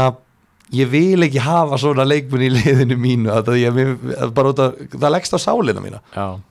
færum okkur upp á miðuna sko, Björn Daniel eru bara of dýr já, hann á 9,5 já meina, ég hann hefur myndi ekkert taka hann sínt á 8 í alvörinu Já, ég, eða þú veist hann er kannski meira svona býð og sjá þú veist, ég myndi kannski, ég er myndi alltaf frekar hafa sig lár eins og ég er með núna já, já. en þú veist, 9.5 er bara of mikið allavega þangur til hann fyrir í gang uh, Jónatan Ingi og 7.5 hvað finnst þér um það? Um, Er það ekki svona pikkið af F á miðinni? jú, jú, klárt af F á miðinni 7,5 Jónatan Ingi bara þú veist ég, ég bara málega skilur við gæt fyrir mér Mm. ég er ekkert að reyna að vera eitthvað leðilegur en við gætum alveg verið að tala um miðjuna hjá fjölinni sko, þú veist fantasílega sér Já, já, út frá valjúi ég myndi frekar kaupa Jónatan Inga á 5,5 heldur en Hallvarð eða Gretar, ég veit ekki eins og hvort hann sé skráður miðjumæður skilur við en Jónatan Ingi á 7,5 ég held bara að séu miklu miklu betri kostur en Jónatan Ingi á 7,5 ég held að Sölvi Snær sé að fara að skora miklu fleiri stig heldur en Jónatan Ingi þeir eru jafn dýr Gústi Hlins Ég- bara, hann er ódýrari Já, Andri Jóman já, Minn ma- nei þú veist ég held bara að hann- fyrir 7,5 miljónir getur þú fengið betra já. En hérna, hvað finnst þér um Stífin Lennupekkið mitt? gott er það, þú veist hva, hversu mörgum mörgum heldur hann verða á eftir til dæmis Patrik og Mikkelsen hann er svo segur þessi gæði Já. og ég vona svona þú veist, ég, ég þekk hann ekki nógu vel skil, ég, ég þekk hann ekki neitt náttúrulega en hérna ég vona að, að því að hann hefur algjörlega silt undir radarinn mm þú veist, ég veit ekki, þú veist, hann kannski hlustar ekkert á þetta ég veit ekki hvort hann kunni íslensku eða neitt sko en ég vona að hann sjáu svona herði, já ok þið haldið að ég sé ekki besti útlendingunum sem er að spila hérna eða besti leikmærun hérna þú veist, leifið mér aðeins að, að minna á það að ég er Stephen Lennon þú veist, já já, Thomas Mikkelsen er flottur og Patrick Pedersen er flottur en ég er Stephen Lennon, skilur þú veist. Já. ég veit ekki hvort hann sé með þetta attitude eða ekki, ég bara veit ekki um það en hann, hann er alltaf aðna tekur vítin Já, en þú vilt náttúrulega hafa dýran sóknamann frammi. já, Þú veist, Þetta er ástæðan fyrir því að ég hætti við Kristján Flóka út af því að það er eitthvað verið að tala um að hann verði þarna mögulega á kantinum eða þeir spila Já, þryggja já. mann reyna sóknarlinu. Ég vil það ekki. þú varst komið Tobias Thompson í lið Já, út af því að hann er bara fremstur. Já. Þú veist, Ég vil bara hafa dýran sóknumann ég vil ekkert að hann sé að á vinstri kantinum að kött eitthvað inn og skjóðu þvælast og sækja boltan nei, sko. startu bara inn í tegnum fáðu boltan í þig og vonandi fyrir hann inn í markið eins og mikið reyfur eins og Mikki Refur, eins og Patti Refur eins og Óttar Refur, þú veist Óttar er þetta miklu meira en það skilur og, Já. og Patrik líka skilur og Tómas líka, þú veist, og skilur hvað ég er að minna Já, já. ég vil ekki, þú veist, og Morten Beck þarna fremstur á 10 miljónir Mm. Þú veist, ég, ég bara ég þarf að sjá aðeins hvernig þetta F-fólið fyrirganga því þeir hafa alla burði til þess að stimpla sér inn í þetta tímabil og eiga drullu gott tímabil Já. ég er ekkert að segja að þeir sé að fara að vera ykkur fallbar átt í sumar Mm. en hérna en þetta er sama að maður segir svo oft ég vil að þeir síni mér það áður, þú veist, þeir, hafa ekki, þeir hafa ekki gert neitt til þess að verðskulda traustið Mhm. Hérna, eina sem að mér langar eiginlega að taða mig viðbót er að sko, það er svo fyndið að segja en mér langar svo að halda mig við Stefán Átna í KR mér, lá, mér líður svona eins og það sé svona wildcard picki mitt sko Veist, og mér líður eins og annarkor okkar ætti að taka sinnsinn á honum þú mútt gera það, ég ætla ekki að gera það það er bara ekki en séns hérna uh, en bara byggt á fyrsta leik ætla ég að taka allarab frekar frekar en ónótaðan varmann hjá Káver já, ef þú vilt orða á þannig Nei, þú veist, ok, mögulega fær hann 10-20 mínútur eða eitthvað Já. en hann er aldrei að fara að byrja fyrsta leik Stefán Átni, Hennar með flóki er ekki klár hann verður klár þá byrjar allir, Já. Stefán Átni er aldrei að fara að byrja fyrsta leik hjá Káur ég get alveg lofað því, á múti val Mm. ótivelli að lögða sköldi, opnur leik, nei, nei ekki var að gerast, Ok, við tökum þetta í lítum tilbaka já, já, við getum alveg gert það ef ég á að vera ykkur heti að segja að Stefán Átni byrja ekki í Íslandsmeistaraliðin í fyrsta leik þá skal ég bara fá, þa fá það preys frá þér sko, þú mátt alveg rúla þessum dregli fyrir en þetta er ekkit hot take hérna sko Nei, nei, herðu, eitt hérna yfirbót sem að eitt leikmar sem við líður að annan hvora okkar ætti að taka sensin á þú ert alltaf að tróða mér inn í þetta búðu bara til tvö lið hver er það? Helgi Guðjóns Já, þú mátt taka hann, Já. ég skal sleppa honum Er hann ekki að fara að spila helling í sumar? það er bara mm, erfitt að segja Já, mér bara finnst það í alvörunni erfitt að segja það, sko. hann kom inn og hann var, jú, hann var alveg með fína glasur þarna frammi í- á móti káar mm -hmm. en þú veist, ég, ég veit ekki hvað hann ætlar að gera ætlar hann að spila með þá tvo frammi mhm, Þú veist, ætlar hann að vera með óttar að koma niður og helga að hlaupi svæði ætlar hann að vera með helga á kantinum mhm. þú veist, er hann ekki búinn að spila eitthvað á vinstri kantinum eitthvað tímann á í sínu eh, lífi veit það ekki Þú veist, ætlar hann að vera með ágúst og óttar tvo frammi, þú veist, mér finnst það ólíklegt sé það ekki gerast, en þú veist ætlar hann að vera með þinn mann alltaf hrafnarna á kantinum skilur við, þú veist, maður veit það ekki Nei, en, uh, en hérna ég ætla ekki að taka sjensin á helga held ég mér langar að fyrsta liðið mitt verði bara, þú veist, að fyrsta umfyrin verði bara leikmenn sem að ég veit að byrja Mhm. en það náttúrulega passar ekki að því ég er með andra rafn og komi kví sem að ég veit ekki þeirra hlutverk já, við vitum alveg að Ágúst er að fara að byrja inn á við vitum alveg að Sölvi Snæður er að fara að byrja inn á við vitum alveg að Áskir Martins er að fara að byrja inn á Mhm. þessi leikmenn í svipuverði mm Áskir skoraði bæði og ég á móti blikum og hérna hann er á 6.5 þannig að þú veist, mað, ég vil hafa einhverja leikmenn sem ég veit að er að fara að byrja á. held ég, en svo er ég, svo er ég ekki að gera það sjálfur Já. þetta er, ó, þetta er, er, er er, hérna, hvað heldur þú gerir marga breytingar fram að fyrsta leik? samtals, Já, hvað er hann fyrsta leikur, lögudaginn já, svona 75 örugglega, ég er ekki að grínast ég er búin að gera svona 20 bara í dag en þú? uh, ég svona, held að þetta sé komið Þetta er aldrei komið í alfunni ég held sko hérna, við tölum nú um 50 skilstildinu eftir ég er komin í vandræði þar, ég er búin að breyta of mikið held ég ha, mitt Já. er alveg læst þar held ég já, ég datt í, ég, datt í eitthvað kviksindi þar að fara Já. að breyta og svo er svo leiðilegt þegar maður er komin í þetta Já. og þú ert að teka hjálp, þú hjálp getur, þú manst ekki hvernig liðið var sko en svo áður fyrr sökka svo niður og, og þú er bara að setja því í þær aðstæður að vera óhamingisamur út af því að við erum eftir að koma þetta ó, ég var með Helga Guðjóns og Stefán Átna ég vissi að Stefán Átna mér ger ég vissi að hérna, Valdimar væri gott eitthvað skilur, Já, þú veist já, já. allir þessi leikmenn í 25. leikmannahopnum leikmannahopnum mínum sem munu ekki fá að spila og munu skora, ég verði eitthvað ég, ég vissi þetta, lítum tilbaka Aron Mm. Já, já. þú veist, þetta er ótrúlandi Nákvæmlega. en er ok, hver fær bandi í fyrsta leik? Eh, uh, bandi í fyrsta leik er á milli uh, Mikkelsen og Hilmar Sotnam það er spurning hvort að þú veist við höfum séð bara, það er ekki að líta lengra heldur en bara, ég veit ekki, þú veist, vanlegur leiknir 0-3 fyrsta umferði Pepsi-deldinni 2015 er ekki eitthvað meira var ekki hérna ég er að gleyma nýliðum sem að ég er að gleyma einhverju nýradæmi ég man ekki Mm. hvað það var en hérna gróttumenn gætu alveg eitthvað fiktað í blikunum skilur við, þú veist þeir gætu Er þetta allt í einu komið mér í liða? eða Eitt úr fyrir gróttu? eða? neist 1-0 er bara svo brjála slóraunhæft sko. Já. þú veist kannski 1-0 tap skilur, ég er að tala um eitthvað Já, svona já, já. kannski bara 2-0 tap Standi í þeim fram áttu veistu, eða ég eitthvað. meina mögulega eitt eitt jafntöflið eða eitthvað skilur ég er bara Já. svona, ég, ég, er- mér er alveg saman hvað þetta leikur um fer Hmm. ég er bara að pæli, er Tómas Mikkelsen að fara að skora stig eða ekki eða er Hilmar Átni að fara að skora stig eða ekki Mhm. og ég held að Hilmar Átni í stjörnunni á heimavelli á móti fylki sé hættulegri leikmaður á móti Þeim anstæðingi svona hendur í anstæðingi Já. bara því að, að því fylgir hendar stjörnuliðinu svo vel mm Þú veist, þeir datt ekki út Nei, heyrður þetta? já Vá hvað það var skrítið En þeir sko slátruðu þeim í fyrra Já, og bara og veistu, ég fór ekki í vinnuna daginn eftir byrju, sko. það, það var leikurinn þar sem kom bara mark Mark, Já, já, Mark. bara á þremur mínútum eða eitthvað sko Þannig að, bara sá sem sá textalýsingunum þar hafið nóg að já, gera já, hann er búin að fá launa hækkun Já. En sko, já, þú veist, þannig að ég er svona ég veit það ekki maður ég, ég vona að þetta sé fylgis eh, hjartað í mér að reyna að vera eitthvað ekstra svartsýtn í umdi með dundinni svo ég verði ekki fyrir vonbröðu með leikinu eða eitthvað, ég vona Mhm. náttúrulega þú veist, sem fylgismæður vil ég náttúrulega að fylgi vinni 3-0 og, og bara allir sáttir Já, en ég, bara, ég verð bara að vera hreinskilin, ég sé það ekki gerast sko. nei Ef að spá í spilin fyrir fyrstu umferð Já, pikkið, Hvernig líst þér að það? ég hef peppaður Herru, þá kíkjum maður á pikkið.is Ef ekki bara, sp- ef að s- láta næja að spá þannig eða ef að setja bara úslit Það er gaman af úslit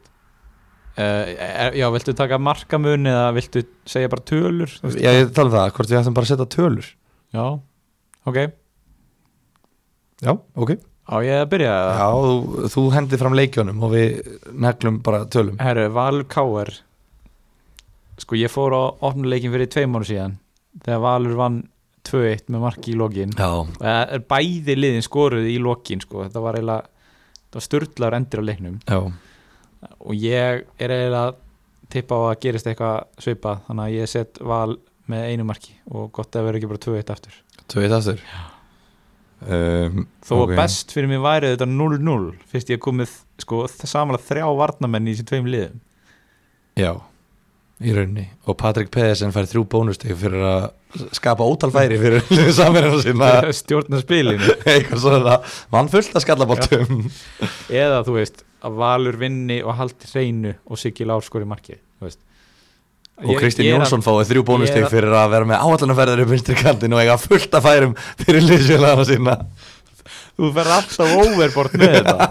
Nei, ég, bara, Herre, hvað heldur þú þar? ég held að K.R. vinni leikin ok, og ég held að þeir vinni leikin 2-1 og bara svona til þess að vera bara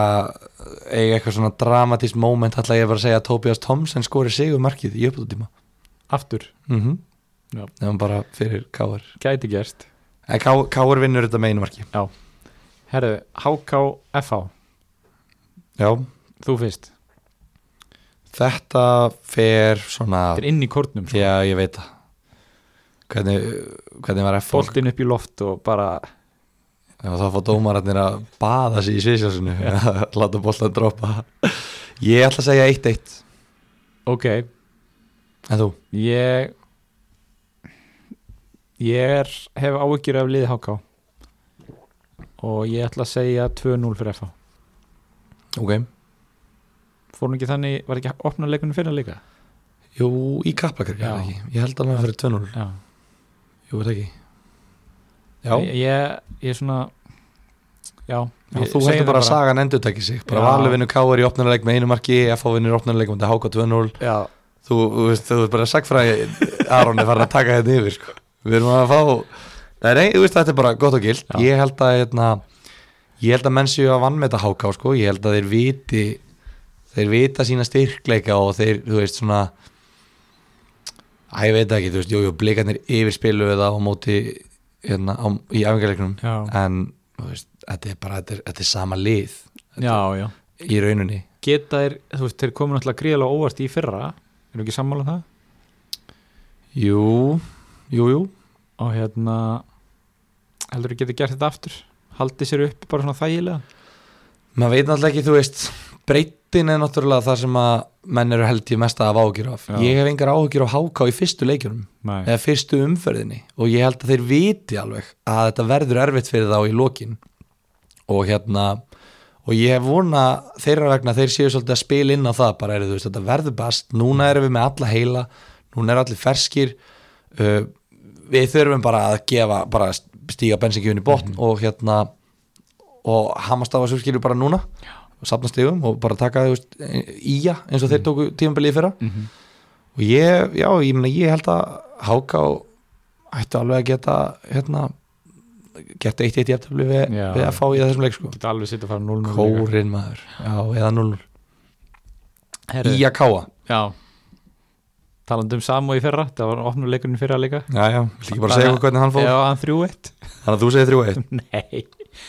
En að samaskapi, nú ætla ég að leifa Ég ætla bara svona að leifa hlutregninni að taka yfir Og ég ætla að vona að skæin vinni meinu já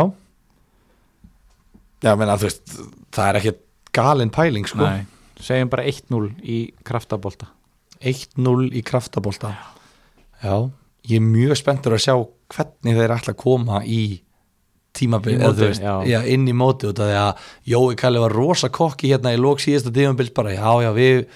við vitum þetta alveg, við munum skila, spila geggja skemmtilegan bolta á næsta ári þú veist, ég veit það ekki, jú, jú, hann getur náttúrulega alveg falið sér á bak við COVID, já, við ætluðum sko að gera þetta, við Já, bara já. náðum ekkert að æfa skýru, þú veist, þeir eru búin að hlaupa eins og móðir fokkir hérna á ströndinni, sko og þetta er búið að vera, sko, bara þetta er búið að vera, búið að vera mikið lagt á þá Já, í COVID, sko og þannig að ég get alveg trúa því að þeir komi, þú veist ég veit ekki af hverju þeir ættu ekki að koma, þú veist, af hverju eru þeir ekki bara í af hverju eru þeir ekki bara hérna, bara, þú veist, herðu, við erum hérna bara það er bara viðbjörst að keppa mót okkur mm. við erum ekki besta fótballslega landinu og við vitum það Gætu þeir spila með 4-4-2 með Viktor og Tryggva báða frammi já, já ég meina, af hverju ekki Já, eða, þú veist, það er eitthvað svona sem að er rosalega auðvelt að segja sem stuðningsmannu maður sko að spila þannig Já, þú veist, óska þess að liði spili með auka frammerja og bara sé samt í jafnvægi, sko. já, en ég meina, hvað ætlar annars að viltu vera með Viktor á vinsturkantinum Já, ég, þú veist, ég, ég sé ekki leið til að, ef, ef að tryggja að spila frammi, þá sé ég ekki leið til að Viktor sé í liðinu og fái að blómstra, sko. nei, nei, nei, þú veist ég veit það En ekki, við maður. erum komin út í einhverja vittlisu hérna. Já. Sko. en allavega, þá, þú segir að í að vinna með einu Já, ég ætla að segja sko málið er bara jú, Guðmundur Steinn er náttúrulega komin í káa já, glimtum að tala um það. já, Hann er á 7.5. hann er á 7.5 það er sko Er hann að fara að starta? um, já er það ekki hann er búin að sitja á bekknum svo mikið svo óverðskuldað að mínu mati Já, já. og það er alveg sama hvað hann hefur gert í þessum liðum, hann hefur ekki fengið tækifærið og þegar hann hefur fengið tækifærið eins og ég og Viking Ólafsvík þá hefur hann deliverað Já, já. og þegar hann kemur inn á þá deliverar þetta er gæi sem bara deliverar alltaf þar sem hann er að mínumati mm ég held að þegar hann er að velja sér lið núna, þe- þegar hann valdi káa af þessum liðum sem hafði áhuga, sem að voru örgulega mörg, mm -hmm. sem maður hefur heyrt hann sé með rosalega háar hérna, kröfur, tölukröfur og ég veit ekki, kannski háir það hann með eitthvað skeru, en ég vona bara að hann hafi metnaðin til þess að spila fótbolta og sé kannski minna að pæla núna í peningunum Eftir, ég veit ekki skilju hvort hann sé endil að því eða eitthvað skilju, maður, maður bara hefur heyrt þetta hann á 7.5, hann byrja fyrsta leik og jú, hann skorar, ká að vinna með tveimur Vinnum við tveimur? já, 2-0? já þrjú eitt eða eitthvað, ég, ég þarf ekki að gefa þetta upp Nei, það nei, kostur ok. við þetta Ok. Herru, Víkingur Fjölnir já, Ég setti Víkingur vinni með 3 plus þar Þremur plús Já, Ok, ég, þeir hafa verið sko styrðir undafarið en ég held þetta veist, ég er ekkert að segja þetta smetli bara frá og með fyrsta leik mm en ég held þeir hitti á það þarna já ég held þeir séu búin að fara vel yfir hvað fór úrskeiðis í káverleiknum Já, það er líka bara allt annað að mæta káur á grasinu þeirra og að mæta fjölni á gerfigrasinu sínu sko. Já. það er bara þú He, veist, Sko. heimöldi hamingunar heimallið hamingina sko. þetta var Ég- yeah. hamingjusamleg þrjú plúsmörk ég held því miður fyrir fjölinni að þetta verið eindum hamingja fyrir vikingi í þessum leik Já, já, það er bara, það verður að hafa það uh, Breiðafli gróta Má ég spá vikingsleiknum? Já, eh, sorry Takk Ég held að vikingur vinni með tveimur mörkum Ok, ekkert meir um það að segja reyndar en takk fyrir að leiðum að spá Bestur, verðið eru góðu besti minn Új, új En það, þarna fannst mér erfitt að ég var að gera þess spá, það fannst mér erfitt að hafa tekið óttamagnus úr liðinu Já, þú sást bara mm, Já, þetta eru tvö mörk frá óttari og eitt að sýst Já, já, svona Já, ég, þú veist ég held að sokkurinn sé alveg klára nýskap þarna, sko Já, en já að kem, Nú er maður að fara að tvítryggja sig Já, maður reynir að forðast það en kemur hann ekkert á óvart að vikingandi myndi vinna bara 4-0 en ég held samt að við séum að vannmeta nýleðana Já, já. fjölni og gróttu ég held að við séum að tala veist, og kannski er það rangt í mér, kannski er þetta bara ógeðslega lélegið sem eiga bara ekki skilið að spila þarna og falla bara bæði með tvö steg á mann en ég held að þetta verði ekki svona mikið göngutúr í garðinum að mæta þeim en maður verður Nei. náttúrulega eiginlega að spá því samt þegar maður veit ekkert annað Já, já, já. ég, þetta er en ég held að bottom line sé bara við vitum ekkert um þessi lið, Nei, vola lítið allavega ég meina, hvað myndir þú gera sem, sem þjálfari fjölnis að fara út í öll á móti vikingunum? Það er bara múra Það er ekki múra Mm. og bomba fram og, og hérna, sækja hratt, Já, þú veist bara, þú veist, líku við 6-4-0, sko Já, þú veist, þú þarf samt að skora mörkin Já, líka, skilur, já. þú veist, það, það bara sa- nákvæmlega sama og við erum að fara að ræða örgli í næsta leik, Breiðafli gróta já, bara eru, eru þessi lið ekki bæði að fara bara að múra og negla fram og ég held að sé svo hendugt að gera þetta á móti viking og breyðarblik Já, Þú veist, ég held að það sé svo hendugt að bara reyna að sækja hratt á skiluru sölva og kára frekar hann kannski einhverja aðra það er bara þú veist, það er náttúrulega bara gríðarlega erfitt að vera að bomba fram og fá svo liðið aftur á sig bara tíu sekundu setna sko. Já, sleftu því þá, Já. náðu bara boltanum og skoraðu frekar fagnaði 30 sekundur og fáðu svo liðið þú að talar eins og þetta sé rosalega auðvelt þetta er frekar auðveld og bara sparka Greinilega boltanum í kann- markið í greinlega anstæðingum kanti þetta Já, já, eða þú veist, eitthvað hvað ætlar að setja á breyðabli gróta? Um, ég ætla að segja að ég veit ekki hvað það að segja ég ætla að segja að blikandi vinni með tveimur Ég segi 2-1 fyrir breyðaflik já, Gróta kemst yfir með marki úr föstu leikadri Arnar Þór Helgarsson skorar mm. og þeir múra og múra og múra og Sigurðun Reynisson verður hérna bara á, í öndunum vel eftir leiki sko, hann verður að stoppa sóknir það sko bara eins og hann sé þrefaldur sko já. en hérna ef hann verður klár þar að segja þetta fer eiginlega svolítið eftir í hvort hann verður með eða ekki fyrst mér ég veit ekki alveg hvort að hvort að hvernig gróta mun líti út varnarlega án hans sko, þetta er náttúrulega fyrir liðin fyrirliðin sko og það þú veist hvernig getur fyrirliði liðsins ekki verið í líklegt byrjunarleg gróttu skilur hvernig Já, getur já. fyrirliði liðsins bara þú veist, þetta er fyr, hann, hann er svo ótrúlega vannmetin þessi gæi Mhm. og í bara shapeinu á liðinu ég bara sko, þetta stuða mig svolítið þannig að ég held að það fara eftir því ef, ég ætla bara, ok, ef hann byrjar einn á þá vinna blika með einu marki, ef ekki þá vinna blikandi með þremur, þar hafið þið það 2-1 eða 4-1 já.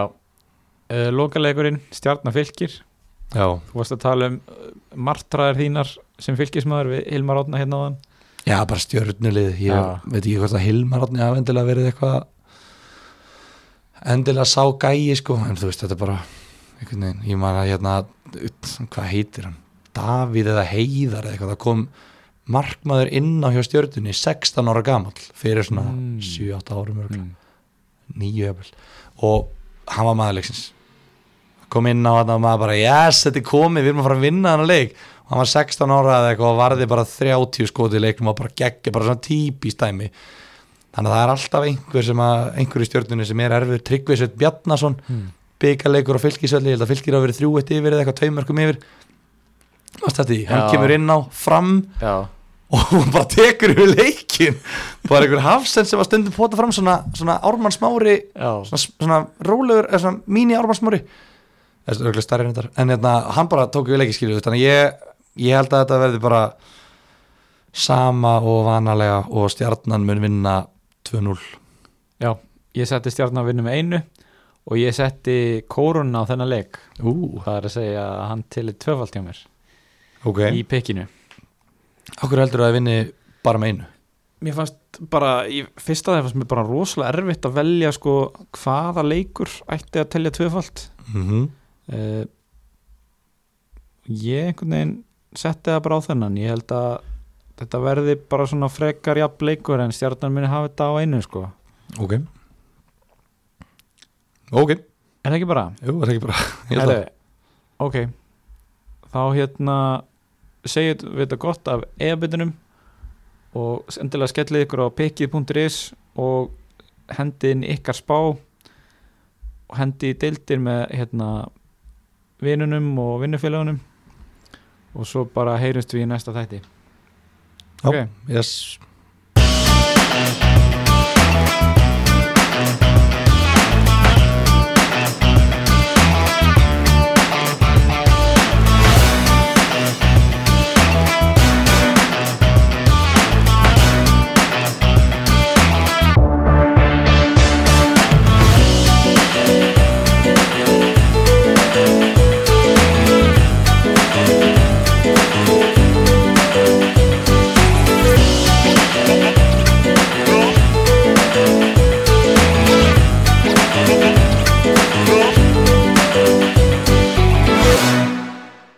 komið þið sæl það eru fantabræð sem ætla að fjalla um 50 skills deildina í síðasta sinn áður en að Pepsi Max deild hvenna byrjar Já, það ætlum við að gera Heldur betur, þetta er bara hár rétt hjá þér og gaman að sjá framfærana, þú ert farin að segja þetta allt hár rétt og flott maður. Er það ekki? Segir 50 skils eða 50 skils? 50 Er það? Já,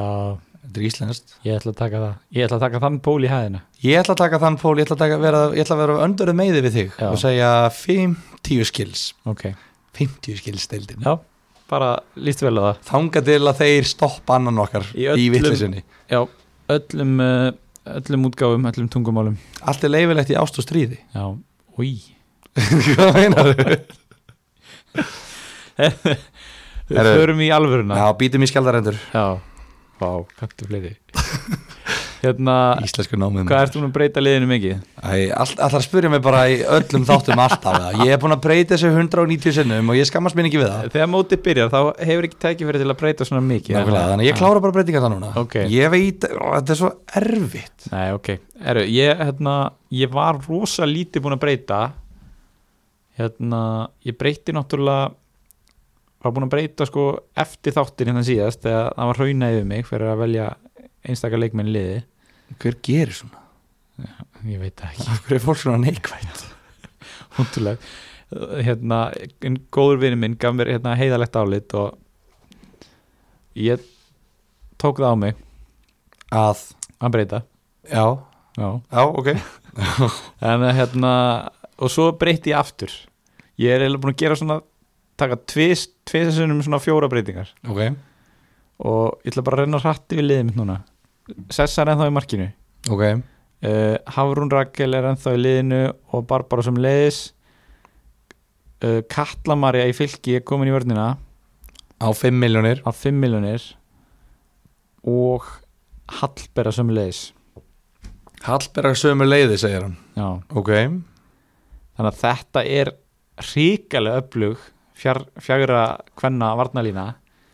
sem að ég einhvern veginn sé fyrir mér að spili bara nær alla leiki sko. þetta er rosalegu varnarlega. Við Já. verðum að vera hinskilið með það. ég er svolítið að fara í, á öndverðu meiði við sjálf á mig með hvað ég saði hérna síðast þar sem ég sagði að allir peningur myndi að fara í sóknlínuna Já, þú veist, þú veist, náttúrulega reynd, þú veist, jú, þetta er, það er bara svo erfitt að réttlæta það að vera ekki með þú veist, eh, þú þarft ekki að vera með dýra varnamenn endilega en þú, þarft ekki, að- þú getur ekki verið með ódýra varnamenn í kvennaboltanum að mínum að Já, þarf líka að vera bara með réttu réttu varnamenn, mjög auðvelt að segja þetta í fantasy-leik velja bara þessi sem fá flestu Já. stíl nei, ég, veist, ég, er, að- ég er að tala um skýrur þú veist, að því það eru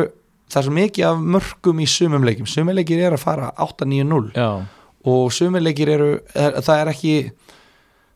já, ég er ekki með tölfran yfir það en mér líður allavega alltaf eins og að séu tölvöld fleiri mörg skoruð í kvennaboltanum mhm, en samt eru sum liði eins og, eins og Valur og Breiðablík og, og Selfos sem fá á sig minna en eitt marka meðaldal í leik já,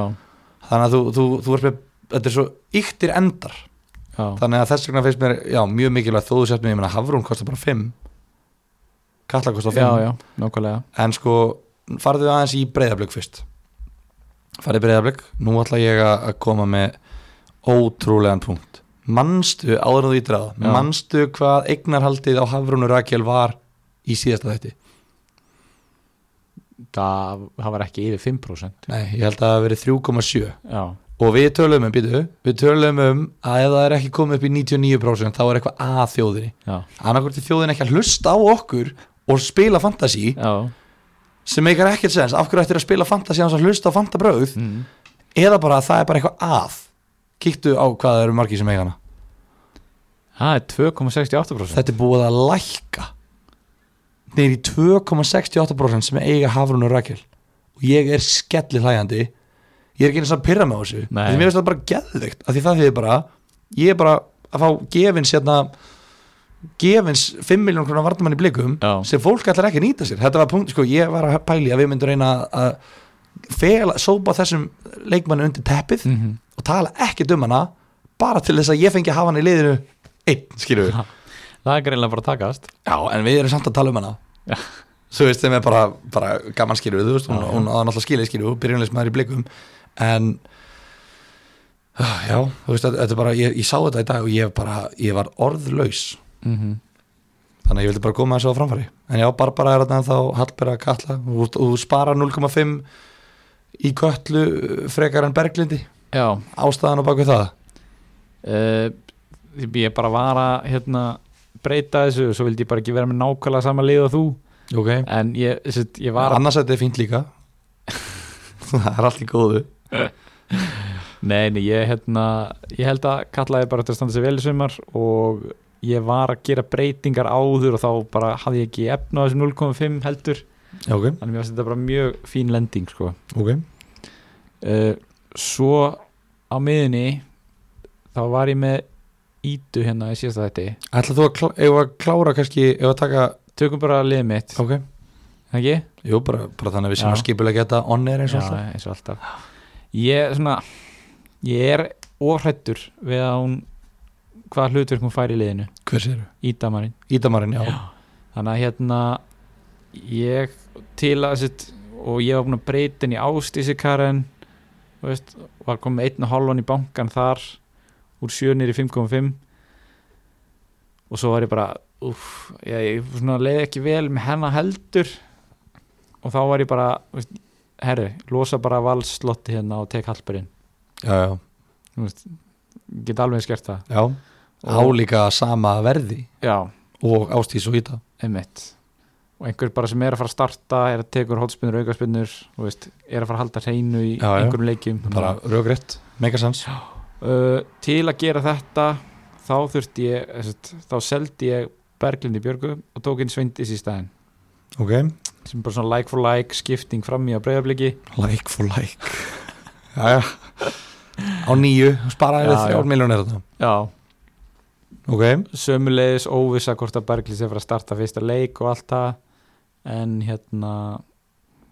ég meina, við vitum báðir að ég er að fara að taka vælkart eftir svona aðra umferð já, eða fyrstu já, fyrstu ef þú gætir tekið vælkartið fyrir fyrstu umferð þá myndur þú líklega að gera það það er svona þannig sem að þú starfar bara eftir fyrsta leikin í fyrstu umferð Já. er bara, já, já, Nei, nei, nei. já. en já, en hérna, miðjan er þá eins og nú, hún er núna uh, Hlína Eriks, Karolína Lea, uh, Klara Sigurar ok, kom inn í Selfoss var þetta eftir að vera last viðtal við hann á fókbólubúðinett sem að þú svona, já nei, ég bara, þú veist, var allt í nú kom með pening fyrir að kaupa miðjumann og hérna, búið með slottin í val og breyðablik mm þannig að þá leist mér best á hana Ok. og svo Andrea Mist í FH á Já. 6 það er svoleiðis það er svona kannski það sem ég er óvissastur með Já sko, já, það er náttúrulega spurning hvaða hlutverk Klara mun leysa hjá Selfossi, hvað sér þú hana spila á miðjunni eða hólunni miðri miðinni, já, er hún ekki fremri leikmaður eða þú veist, er ekki svona kantari eða í holunni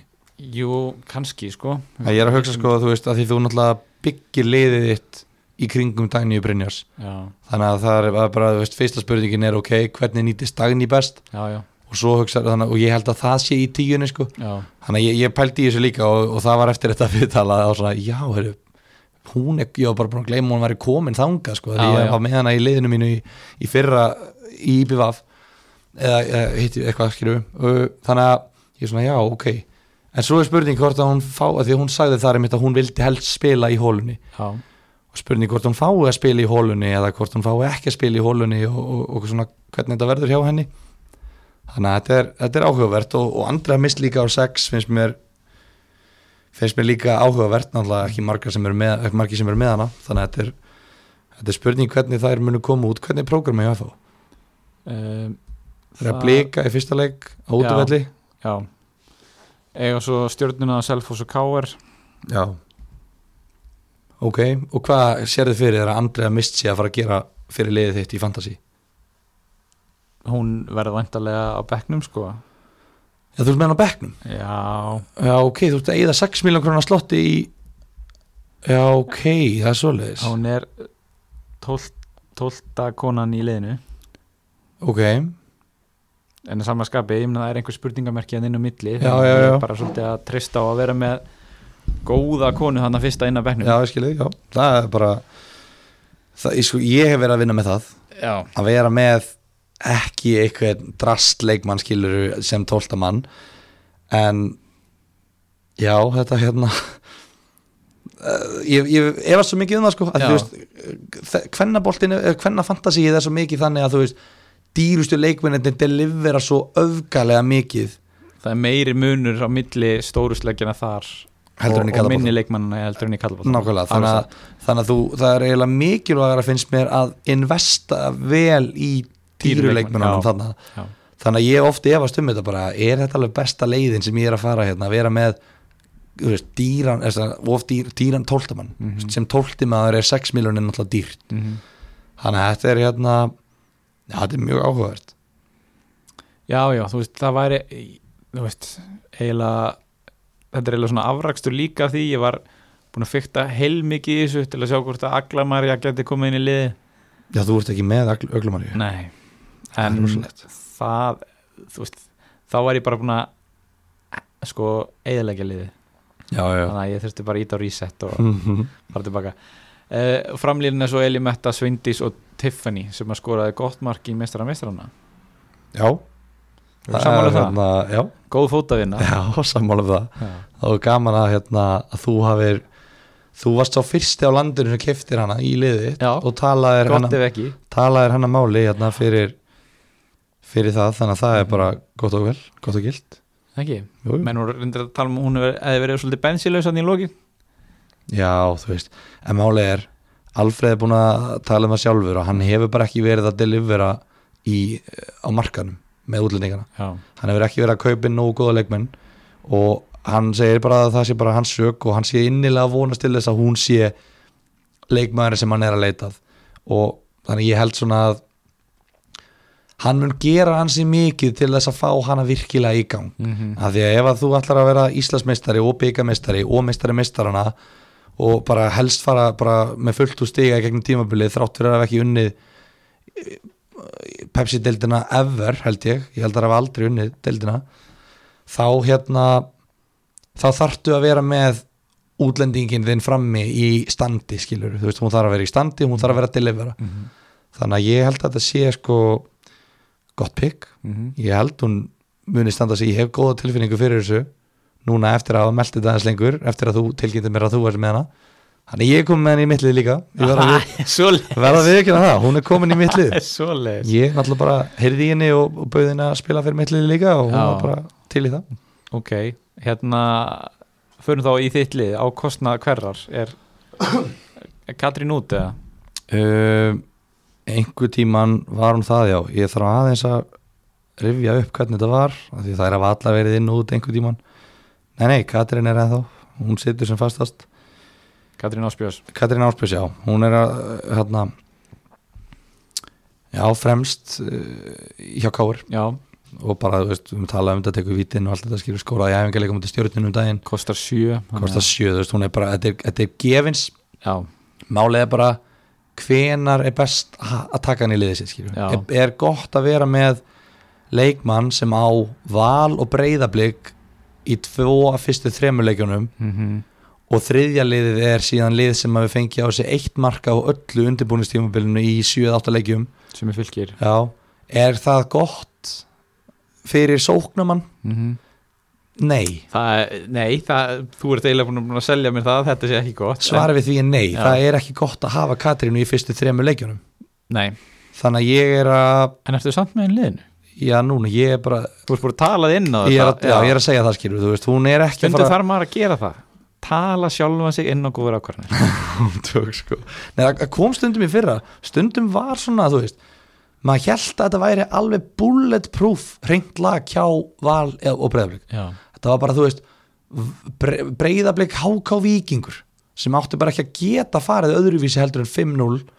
fór kannski bara 4-1 eða 3-1 já, já þú veist, þannig að var svona stundum var ég bara í fyrra bara ha, þú veist, hvernig eru þessi lið ekki að halda hreinu á móti enna, þessu liðlegu liðum en ég veit það ekki, þú veist, þannig að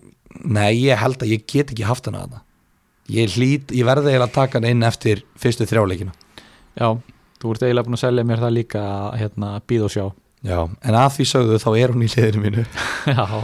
eins og er, ásamt Elinu Mettu vandalega og Tiffany og Tiffany Já. Það er bara, já, ég er ekki með Sveindísi út af því að mér finnst það að vera of mikil skamtíma hugsun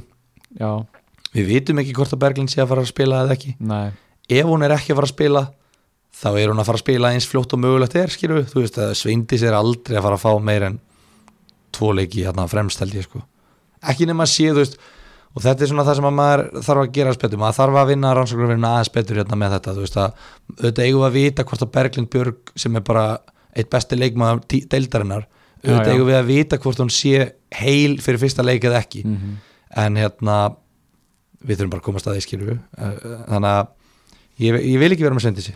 þó hún sé Nei, góð og allt já. það hún mun örgulega skora fullt á fyrstu, fyrsta leiknum mhm, miðjan, þar er ég með uh, Karolínu Leu Hlín og Öglumarju Já, og það er bara lítið meir um það að segja já, því ég hef ekkert um það að segja ég er svona ég var að Karolína, jú, hún hlýtur að byrja ná Já, en ég er svona pínu ónóta tilfinningu að mögulega gæti hún endað á bekknum sko en ég vona að hún sé í sterkasta 11 manna liðinu hans steina þannig að við erum með, Ka- já, bara þær þrjár og ég, já, ég hef ekkert meina það að segja uh, Varnalínan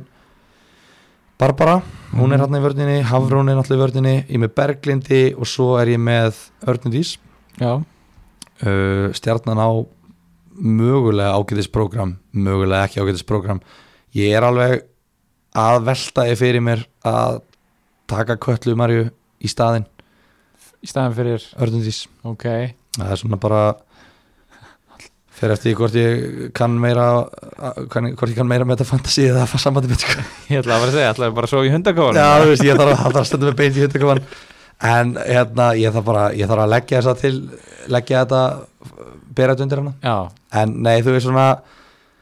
að því að geta alveg réttlætt það að hafa leikmann í stjórnunni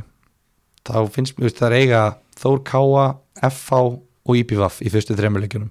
þetta er mjög viðræðanlegt prógram og ég er svona ég get alveg sé fyrir mig tvö hreinlög þarna í þessum þremur leikjum mhm, og hérna þannig að já, mér, mér finnst ekkert galið að vera með, með stjórnu leikmann þarna en nei. ég held að allir eru sammála um það að fylgir er líklega til að halda hreinu heldur en stjarnan í flestum leikjum já, sennilega uh, Þú varst með Elísu Viðars, er hún ennþá í leiðinu? nei, hún er farin Ok, og ég er, það er spurning hvort ég selji Katrínu Áspjörs og reyni þá að koma inn, að því ég er bara með tvo í val já, Ég er með þrjá í breyðablik þrjár þrjá, eh, þrjá leikmenn, já, tvo leikmenn í val mm -hmm. uh, Ég kýs að tala bara um leikmenn mér finnst það, af því Ok. það er, Ég nenni ekki að fara í þetta Já, já. heila reprogrammi, þú mátt tala um það Ég er með tvo í val, þrjá í breyðablik þrjá í selfossi, tvo í fylki þú veist, það er bara svona, þetta er svolítið einhæft og mér langar að finna þessa leikmenn í stjörnunni, IPVAF já, já, já, já, sem að svona er að taka stíin já. sóknarmæðurinn IPVAF hérna, þessi sem er að koma, þessi franska hvað heitir hún? Daniel Thomas eða eitthvað, ég man ekki man ekki hvað hún heitir, hún kostar 7 miljónir í, Mm. í IPVAF það er eiga í fyrsta leik þrótt heima já. hvað heitir hún? Daniel Tolmeis já, þróttur heima, Þór Káa úti og Stjarnan heima hún var að spila held ég í sko ég ætla ekki eins og að reyna að segja þetta á frönsku í efstudeld í Fraklandi Lík uh. Já, oi. ég held hún hafi, mér minnir hún hafi verið með tvö mörk í 15 leikjum þar já, sem er náttúrulega ömulegt en svo deild sem þú varst að bera hérna fram hún er ekki svo sama og þessi deild þannig að ég held að hún þú veist, mögulega að vona þú veist, ef IBF ætlar að gera eitthvað þá verða þær að fá stig úr flestum fyrstu þremuleikjum og ef það er alltaf að fá stig þá verða þær að skora mörk og ef það er alltaf að skora mörk þá finnst mér að lilla getur hún gera það þannig að ég er með þú veist já, ég er alveg að pæla í þessu svo er ég með Keilan hérna selfisingin í markinu já, þú ert búin að skipta þessu út búin að skipta eftir meistari meistarana uh, hún fekk náttúrulega bónustíðin já, eða tvö bónustíð, þó það er náttúrulega ekki talið en hún var næst be Fannst tilnæmdur, útnæmdur best, næst besti leikmaðurinn í, í leiknum eða besti, hún var held í best bara hver er næst best Anna Marja, var be- nei Anna Björk var bestið ekki já, getur verið og, og Keilan, eða kalla hana Keilan eða Markesi skiptir ekki máli, hún er allavega komin í markið mitt ég er bara svona ég var að tala með um daginn að Selfoss sé að fara í svona eh, erfiðara prógum með fylgir mm en mér Selfoss vann val 2-1 já, og þær sögðu bara að þær hafa verið svo gatasekti í fyrirháleiknum og þá ef að, ef að gatasekti fær á sig eitt marka mútið val þá er ég alveg til í að taka tjensin á þeirri vörð skilur já, já, ég held það heldur betur maður og bara hún er held ég bara að geggið sko ég held að þetta hæp sé bara raunverulegt sko þú ert að kaupa það já ég er að köpa það Herri, við ætlum að hérna, henda okkur í, inn á pikið.is og vera með spá fyrir fyrstum fyrir líka já uh, IBVF þróttur já eða Eh, að taka þetta eftir taka fyrsta leikin fyrst Valur Káar uh, opnuna leikinn Já, já bara eins og þú vilt sko þú ert þáttastjórnandi og, og vara fyrir liði tökum hann fyrst já Ég setti Val að vinna með 3 plus ok og setti Kóruna á hann Já, ég held að þú sett ekki sá eini sem ætlar að, ætlar að gera það Nei, uh, Ég er með sömurspá Það er Ég held- þannig? Já, þú veist, ég er bara þær, þær töpuðu meistari meistarana, þú veist, jú, þeim Já. er skýt saman að byggar en það er ákveðið statement að tapa á heimavelli 2-1 á móti Selfossi mm þó að Selfossi með gottlið er miklu betri en K.R. en já, þú veist, þetta er svona 4-1 5-1, 5-0 þægilegt bara gætum allavega að sé það gerast allavega Ég er líka, ég er að setja sko Kóruna eða tvöfaldarinn á þennan leik bara þennan fyrstur líka þú veist, bara Jú. hafa svona ákveðna spennu í já, já, já, náttúrulega bara fyrsti leikurinn í Íslandsmótinu í fótbolta þannig að já sem bara, bara spennandi emitt en þá tökum við íbjöða þrótt ok, ég setti ég setti jafntöfli þar já ekki bara jafntefli ég sé Já. að þetta er markalust jafntefli já ég er svolítið hrifin af þeim já, en hvað hefur þú sí... rifjaðu nú upp fyrir mér síðustu markalustu jafnteflin í Pepsi Max til hvenna ég er ekki með þau á hreinu sko getur þú nefnt mér eitt leik sem að þú hefur séð í Pepsi til hvenna sem hefur farið 0-0 bara á, á æfinniðinni nei, ég get það ekki Það er bara að pæla sko þú veist að því að þú veist, einhverja leikir hafa farið 0-0 en ég man ekki eftir já, einum einasta en það, en það, en það eru þeir leikir kannski ekkert eitthvað rosalega eftir minni leikir 0-0 leikir sko. ég, ég get ekki rifjað upp eitt markalöst jafntefli í kallaboltanum heldur en, en hérna, já ég held að þú er búin að breyti eitt eitt hvað, er, það- hvað er að þér? oh my god þetta er, þetta er mjög áhugaverður leikur já þróttur að koma upp já, og hérna IBVF mikið breytt lið já, þetta er bara þetta er hérna, Ég skal bara viðkynna, ég veit örgulega minnst um þessi tvö lið ég held meira að segja bara að eigamenn viti ekkert um liðið sitt og þú veist, og ég held að þetta bara þau að bara, hérna, þú ert með hatt með þúsund erlendum leikmönnum mm -hmm. og þeir hafa bara tínt hann í pókan gripið eins margar kúlur í lúkuna og þeir gátu, fundu hérna já heyrðu, við fengum sex kúlur og svo bara opnaðu kúlanum, já þetta er hérna eitt letti einn englendingur, einn frak you know, ég held að þau viti you know, ég held, og ég held að það sé bara út af því að þau neyðast til þess að fara þessa leið mhm. að ég held að þau, þetta sé, ég held að eigamönnum líði óþægilega með þetta tímambil að vita ekkert hvað þau er að fara að fá frá leikmennunum sínum Já, og þú veist, og bara heyrðu, við verðum að vinna í útlendingalottónu því annars erum við bara fallin því miður ég held að þau horfa á þetta svona ok, En annars- hvað settir þú hana? ég, það er ógeðslega erfitt að spá um þetta sko, út af því að ég veit bara svo lítið um þróttarastelpur það er, þú veist, þarna Linda Líf náttúrulega hættulega var að raða einmörkunum í fyrra þú veist, Mm -hmm. það er spurning hérna, er svo var hérna útlendingurinn sem var líka frammi Já, hún er farin hún er farin eða ekki, Já. jú, mér myndi það mitt. þannig að það er spurning sko hversu drillaðar þær koma og hvernig þær, þeim gengur að fara á grasið í Vestmanneum, mm -hmm. ég ætla að segja að IBVF vinni þetta með þetta fyrir 2-1 fyrir IBVF Ok, nei, 2-0, ég er að heyra góða hlutum en að markmann, nei, 2-1, hún, hún legur henni einu, ok, þá var það breyðablík FH já, uh, Ég setti breyðablík vinnum með tveimur hana ok ég segi 5-0 fyrir breyðarblik Ok, F á tapaða á móti Keflavík sko já 1-0 á heimavelli í æfingarleik Hvað er, hérna, er miðjan þeirra ekkert að öll að koma til eða? Hún er Ég þegar treyst- Sisi og Andra eru komnar og Jú, ég meina, og hvað Rannveig Bjarna líklegast, Mm. mm. ekki þetta er, þetta er, meina, Sisi og, og, og hérna, Andra Emis, þetta er stór Telma komin í markið og, þú veist já, ég meina, hvað hva hefur hún gert Ég bara, það er bara að tala vel um hana sko já, þú veist ég meina, þetta er auðvitað algjör meistari skilur við, að þú Já. veist, hvað hva er talað vel um hana þetta sé, að hún sé góð að verja eða þú veist, nei, ég er að spyrja skilur við Já, þú veist, hvað Nei. hva, hva er hún, af hverju er hún ekki búin að vera í breyðabliku og val byrjunleismæður ef hún er góð að verja eða þú veist, ég er bara erfið að komast í liðið þar ég, þú veist, en ef þú ert ég- góð að svona verja þá kemst í liðið þú veist, ég, nei, ég er bara að pæla skýrfi þú veist, að, að það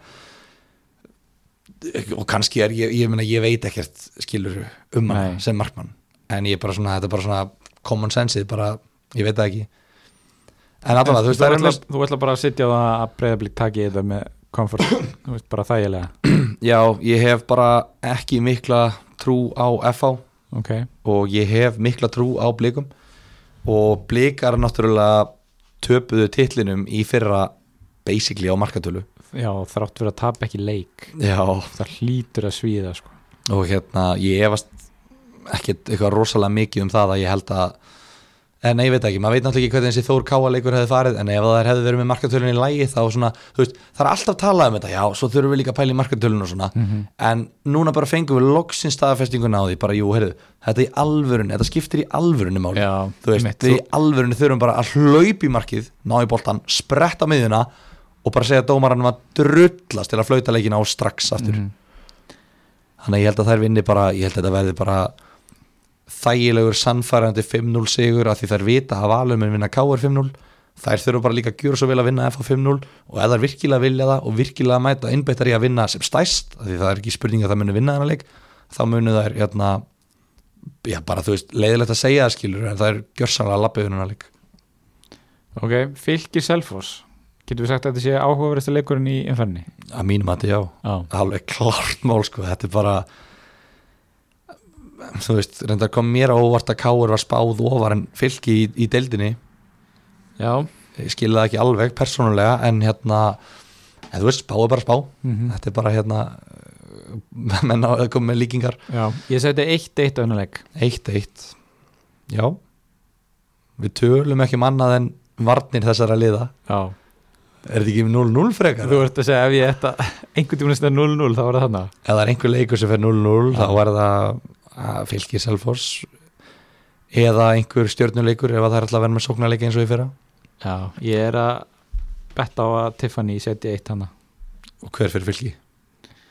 uh, Solveig Larsen Solveig Larsen já Heyrðu það fyrst hér Vá maður Þetta er Ég veit ekkert hvernig þessi leikur fer Va- Sko þetta er bara Ég held að Selfoss sé með sterkari leikmenn Bæði lið eru mjög vel þjálfuð mm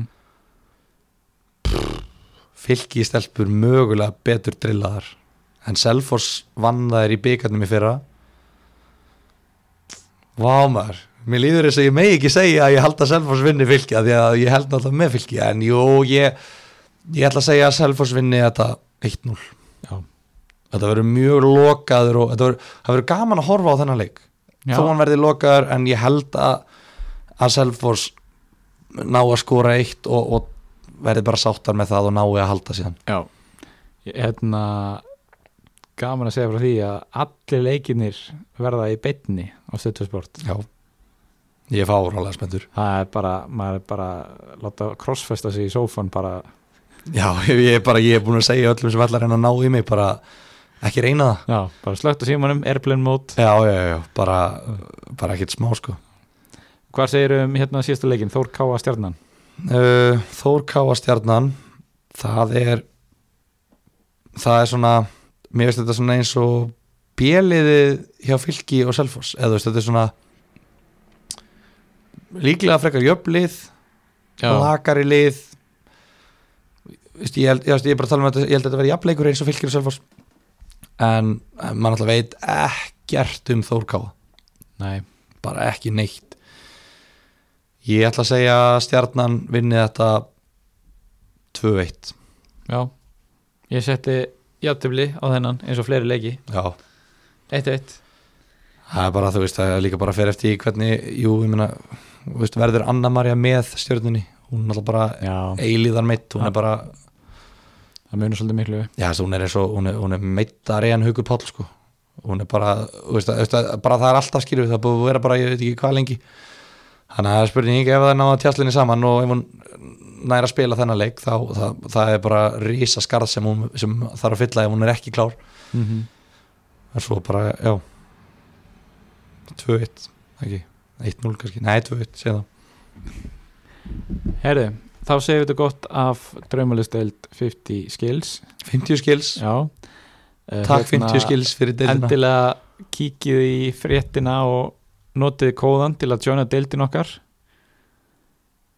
og hérna svo heyrist við í næsta þætti þegar við gerum fyrstu umferðina upp Bæng, vá hvað það er skrítið að heyra það að segja þetta. Já. Þetta er að fara að byrja núna. Þetta er svakalegt Shit. Tjóðlega spendur Já, geggja Herðu, heyrist í næsta þætti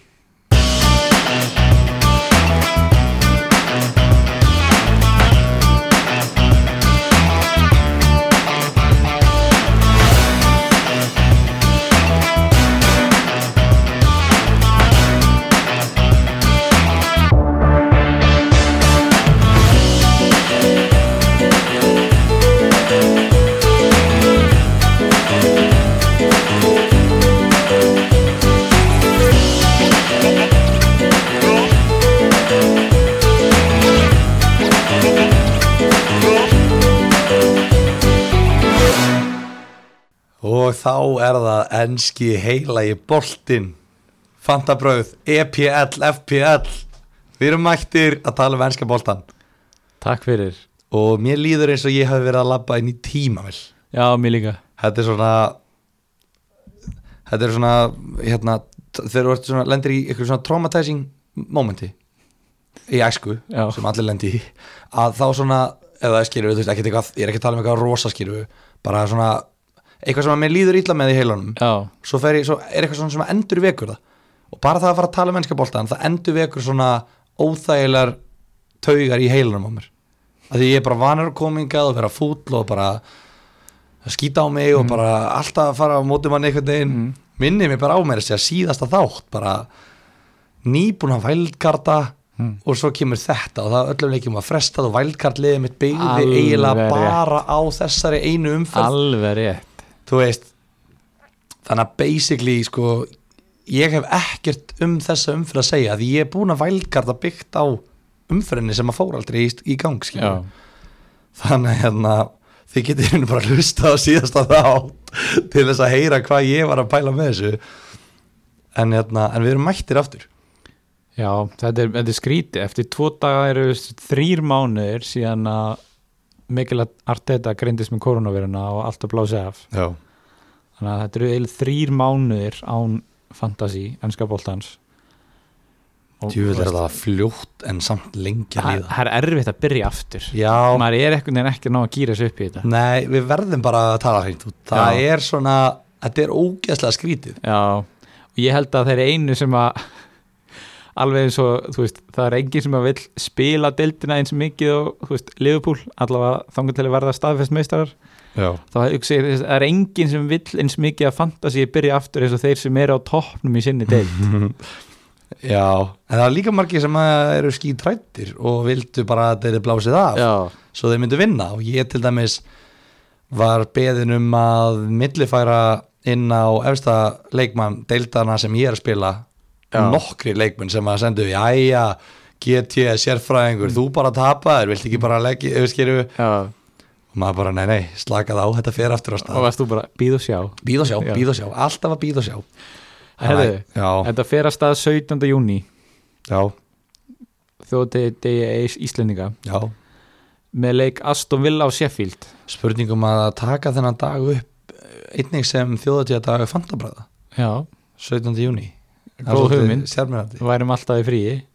Já, heyrðu á, á rauðan dag Hafliði, við tökum ekki upp 17. júni, það er þjótti að þau fanda bræða Nei, Yes, þetta- maður Er þetta ekki svolítið underwhelming leikur þú veist, Aston Villa Sheffield Fyrir, eh, kannski ekki fyrir fantasileikmenn, Nei, ekki endilega Lundstram, Já, Mætir aftur. Lundstram er að mæta í mögulega samt ekki í byrjunleginu Nei, en hann er að mæta í Double Game Week Já, Tvöföld umferð, þú veist, þetta er Það er risa leikur þetta. fantasy-wise já þannig að ég er sko ég er helviti spenntur fyrir þessu bara, bara upp á það að sjá þú veist, þetta er svona bara svipa á Íslands, Ís, Íslandsmóti núna þú veist, e, þessi enski bolti jújú, jú, þetta er vinnan þeirra og þú veist, auðvitað eru þeir professional og þú veist, og það er einhvern veginn þú veist þeir eru ekki eins jolly kannski og maður myndi áætla en ég, er, held ég en mér líður svona eins og við séum svona, þú veist, svona fótboltasamfélagi sem er að fylgjast með þessu og sé bara, já, já,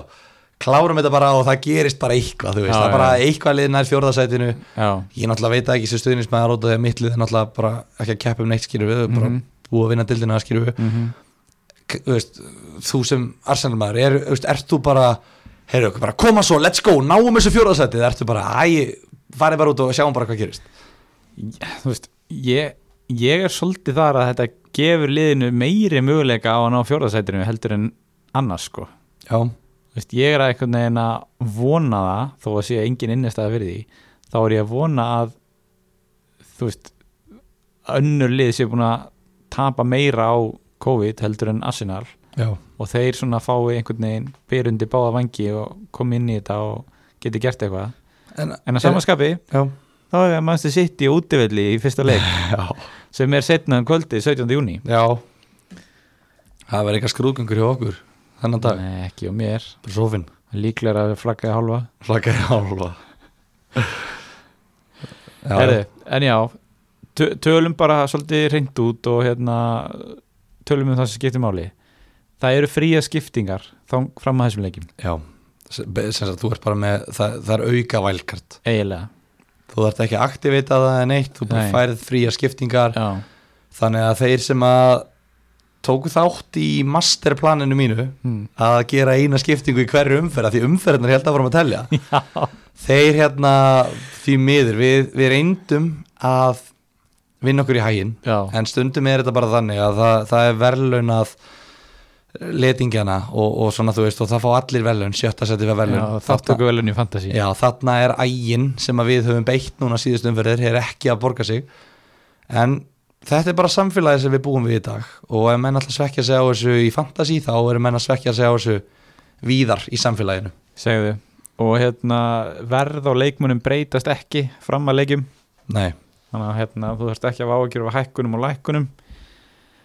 uh, það er spilað hvað hva sagði hérna Tómas Þór einhverja þ- 32 leiki á eh, 15 dögum eða þú veist, það er eitthvað svona fáralegt sko. já, Þú veist, það, er, það er byrja 17. júni og það er eiginlega leikur á hverjum degi bara nánast og þetta er allt í sjónvarpinu þetta er eiginlega bara þetta er galið, fyndi sko.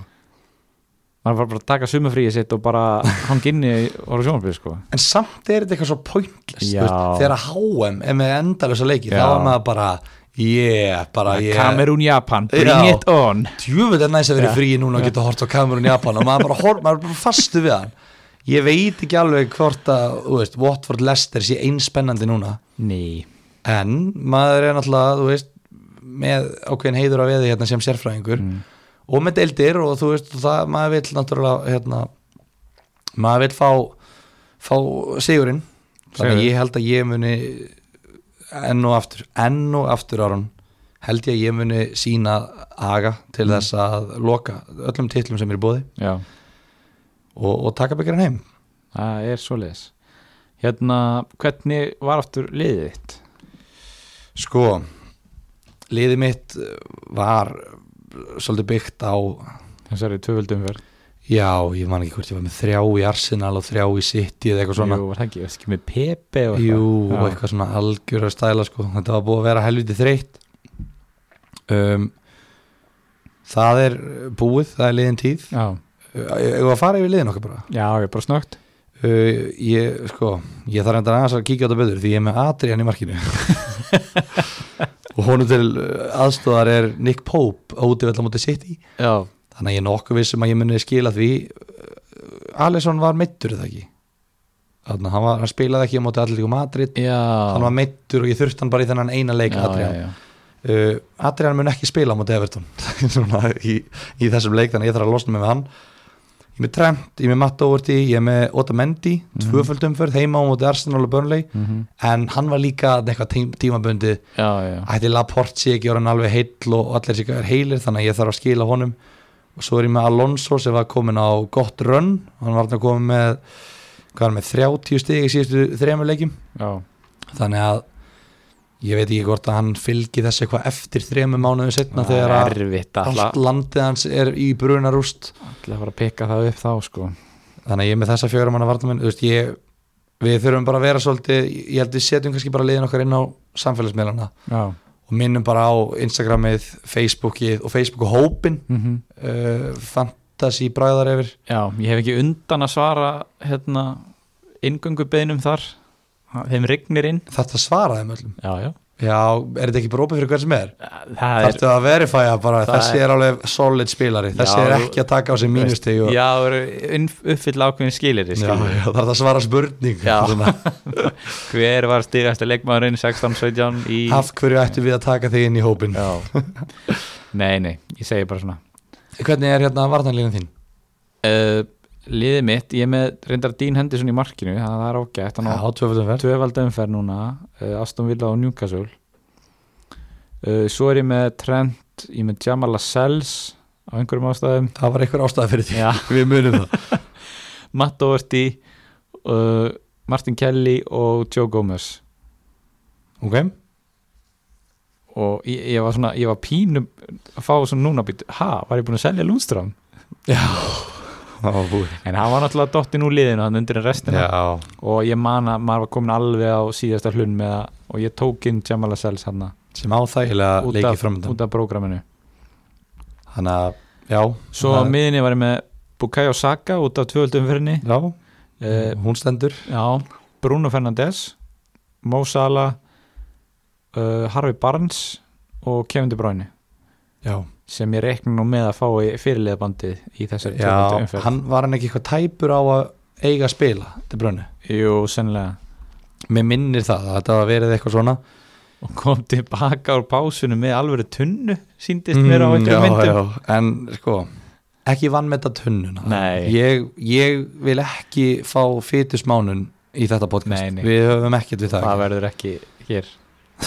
En hérna, Já, til brönni, ég náttúrulega seldi til brönni já, út af, út af, út af einhverjum ástæðum ég, sko, maður er að rifja upp hérna eitthvað eitthvað eldgammal sko, maður, við þyrftum gamla eiginlega- syndir svolítið já, en svona ég hafði alveg ástæði fyrir því Mm. kannski, jú, kannski sá ég fyrir tunnuna myndast Mm. á honum og, og hérna en við, já, en ég er allavega með Mares í staðin já, og, og svo er ég með Mo Salah, svo er ég með Dele Alli hann var eitthvað aðeins aðna en þú veist, Harry Kane er þetta komin tilbaka, já, alveg rétt hann var meittur manstu í Já. nokkra mánuði og var frá tímabilið Þetta er svo skrítið, þetta er eiginlega eins og sem byrja nýtt tímbil nú er hann komin tilbaka Já, og við vitum ekkert, þú veist, og hann nennir ekkert að vera að spila nema hann sé að skora og þú veist, Dele Alli geta ég veit, að- ég veit ekki hvort ég muni hafa hann þetta en hann er þetta mm. ég er með Diego Jota og Hímiðinnes frammi já, sem bara steipa algjör þvæla, ég þarf, að- ég þarf að skila öðrum þeirra og ég er með Obameyang frammi líka þannig að ég er í solid 4-3-3 bara, svo erum við Dukure, Cathcart og McCarthy á bekknum þú veist, það, það er útrúlega skrítið að vera að fjalla um þetta, já við verðum bara að segja það En hérna, aðalmálið er bara að þetta er að fara að staða aftur mm Mhm. munið að breyta liðnum ykkar sérstaklega því sem eru í toppbaráttu eða botbaráttu Þannig að hérna svo sínum ekki lendi í einhverjum refsingum uh, Erum við ekki bara að benda svolítið á þessi lið sem eiga tvöföld umfyrna Massa City, Arsenal, Sheffield United Jú, málega sko líka við, við vitum ekkert fyrir Nei. fyrsta leik, þá þurfum við að tala um verðinu við þurfum að tala um hérna, transferin við þurfum Já. að tala um æfingaleikina, við þurfum að Já. tala um ungu sem er að koma upp og bla bla bla bla bla það er bókstaflega ekkert fyrir okkur að tala um, af því við erum ekki með neina æfingaleiki, Nei, við vitum ekkert hvernig þeir koma undan þessu skilur við, nema að reyna að rýna í einhverjar ljósmyndir, einhverjar fellingar á einhverjum búningum skilur við, það er eina sem við höfum þannig að þetta er, þetta er, þetta er þú veist, við vitum hérna, leikjaprógramið Já. það er bara helst eins og er já, og það, við, við rýndum í það í síðasta þætti það er alveg hægt að spila bara, síðan- við, við, við, við nennum ekki að gera það aftur en við Nei. verðum með einhverja punkta náttúrulega, það er náttúrulega vika í fyrsta leik Þú veist, Já, við erum já. að taka þetta upp náttúrulega viku fyrir fyrsta leik já, já, þannig að við verðum að vera svolítið virkir bara svona að kveikja þess á þessu, setja þetta inn á inn á samfélagsmeiluna einhverja punkta á eitthvað svona dót mm og hérna, þú veist já, við erum eiginlega bara svona að vekja því hvað er nýtt, hvað er að gerast eða ekki, jú, þú veist, það er vælkartið það eru engar verðhækkanir, þannig að það er hægt að býða með vælkartið alveg fram að síðustu stundu já, sem er gott sko, maður þarf ekki að festa einhver verð núna emitt ég hefði persónulega verið til í að vita af þessu sko, út af því að ég náttúrulega seldi þetta bráinu í miklu tapi, eða þú veist Já, já, já ef ég ætla að kaupa hann aftur þá þá kostar hann miklu meira að ég hafa búin að byggja upp svo mikið valjú í honum og þú náttúrulega bara því miður, ég ætla bara að segja það hendir valdkaldin í ruslið já, já, ég vælkartaði í síðustu umferð já, fyrir þessa umferð sem er núna og svo fá allir frítt vælkart og fá að nota sitt síðan setna já, þannig að það er bara eins og það er og, og það er bara gott að, að Guð sé ég tekist þessum hrósi að, að Guð og Jésu og allir vinni mínu að uppi séu að þeir eru að senda mig í gegnum svona ákveðnar raunir svona hreinsunareld já, eða svona, þú veist, þetta er, þeir eru að gera þetta erfitt fyrir mig já, af hverju er, er Guð að gera þetta erfitt fyrir mig af hverju ekki eitthvað annan að hann veit að þú getur tekið hann veit ég get ekki já, og hann veit að ég ræði við þetta og, hérna, og hann treysti mér til þess að, að gera þetta uh, rétt þetta er komið út í eitthvað algjördrugl já, ég held við ættum bara að segja þetta gott já, það er ekki bara Það er ekki. en við fjöllum meira um þetta við tökum klárum eftir fyrstu umferð eftir, mm. þr, já, umferðnar eru nefndar 30 plus heiti þessum umferð já, mér leiðis þetta væri eitthvað svona eða 31 plus einhver svona, þú veist f- grúpa eða eitthvað Já. eitthvað svona, alveg galið eitthvað svona eitthvað svona beauty tips 30 plus Mhm. Eitthvað svoleiðis. Já, þú veist, þetta er allavega hérna, þetta er allavega já, ég veit ekki hvað maður á að segja um þetta en bara svona, þú veist, fylgjumst með þessu við horfum á, á þessa leiki tökum þetta saman, skoðum, þú veist og við munum alltaf að koma eftir, fyrstu, eftir þessu umferð, fyrstu umferð eða 30 plusustu umferð þá munum við sjá, já, eru þessi lúka drullu ferskur, hann var bara helviti hérna, press þessi og Já, bara já. hljóp út um allt og skoraði fullt og bara þessi kemur flottur inn þannig að ég, ég er, við munum hafa meira að segja eftir næsta leik klárt mál herru, heyrumst í næsta þætti af fantabröðum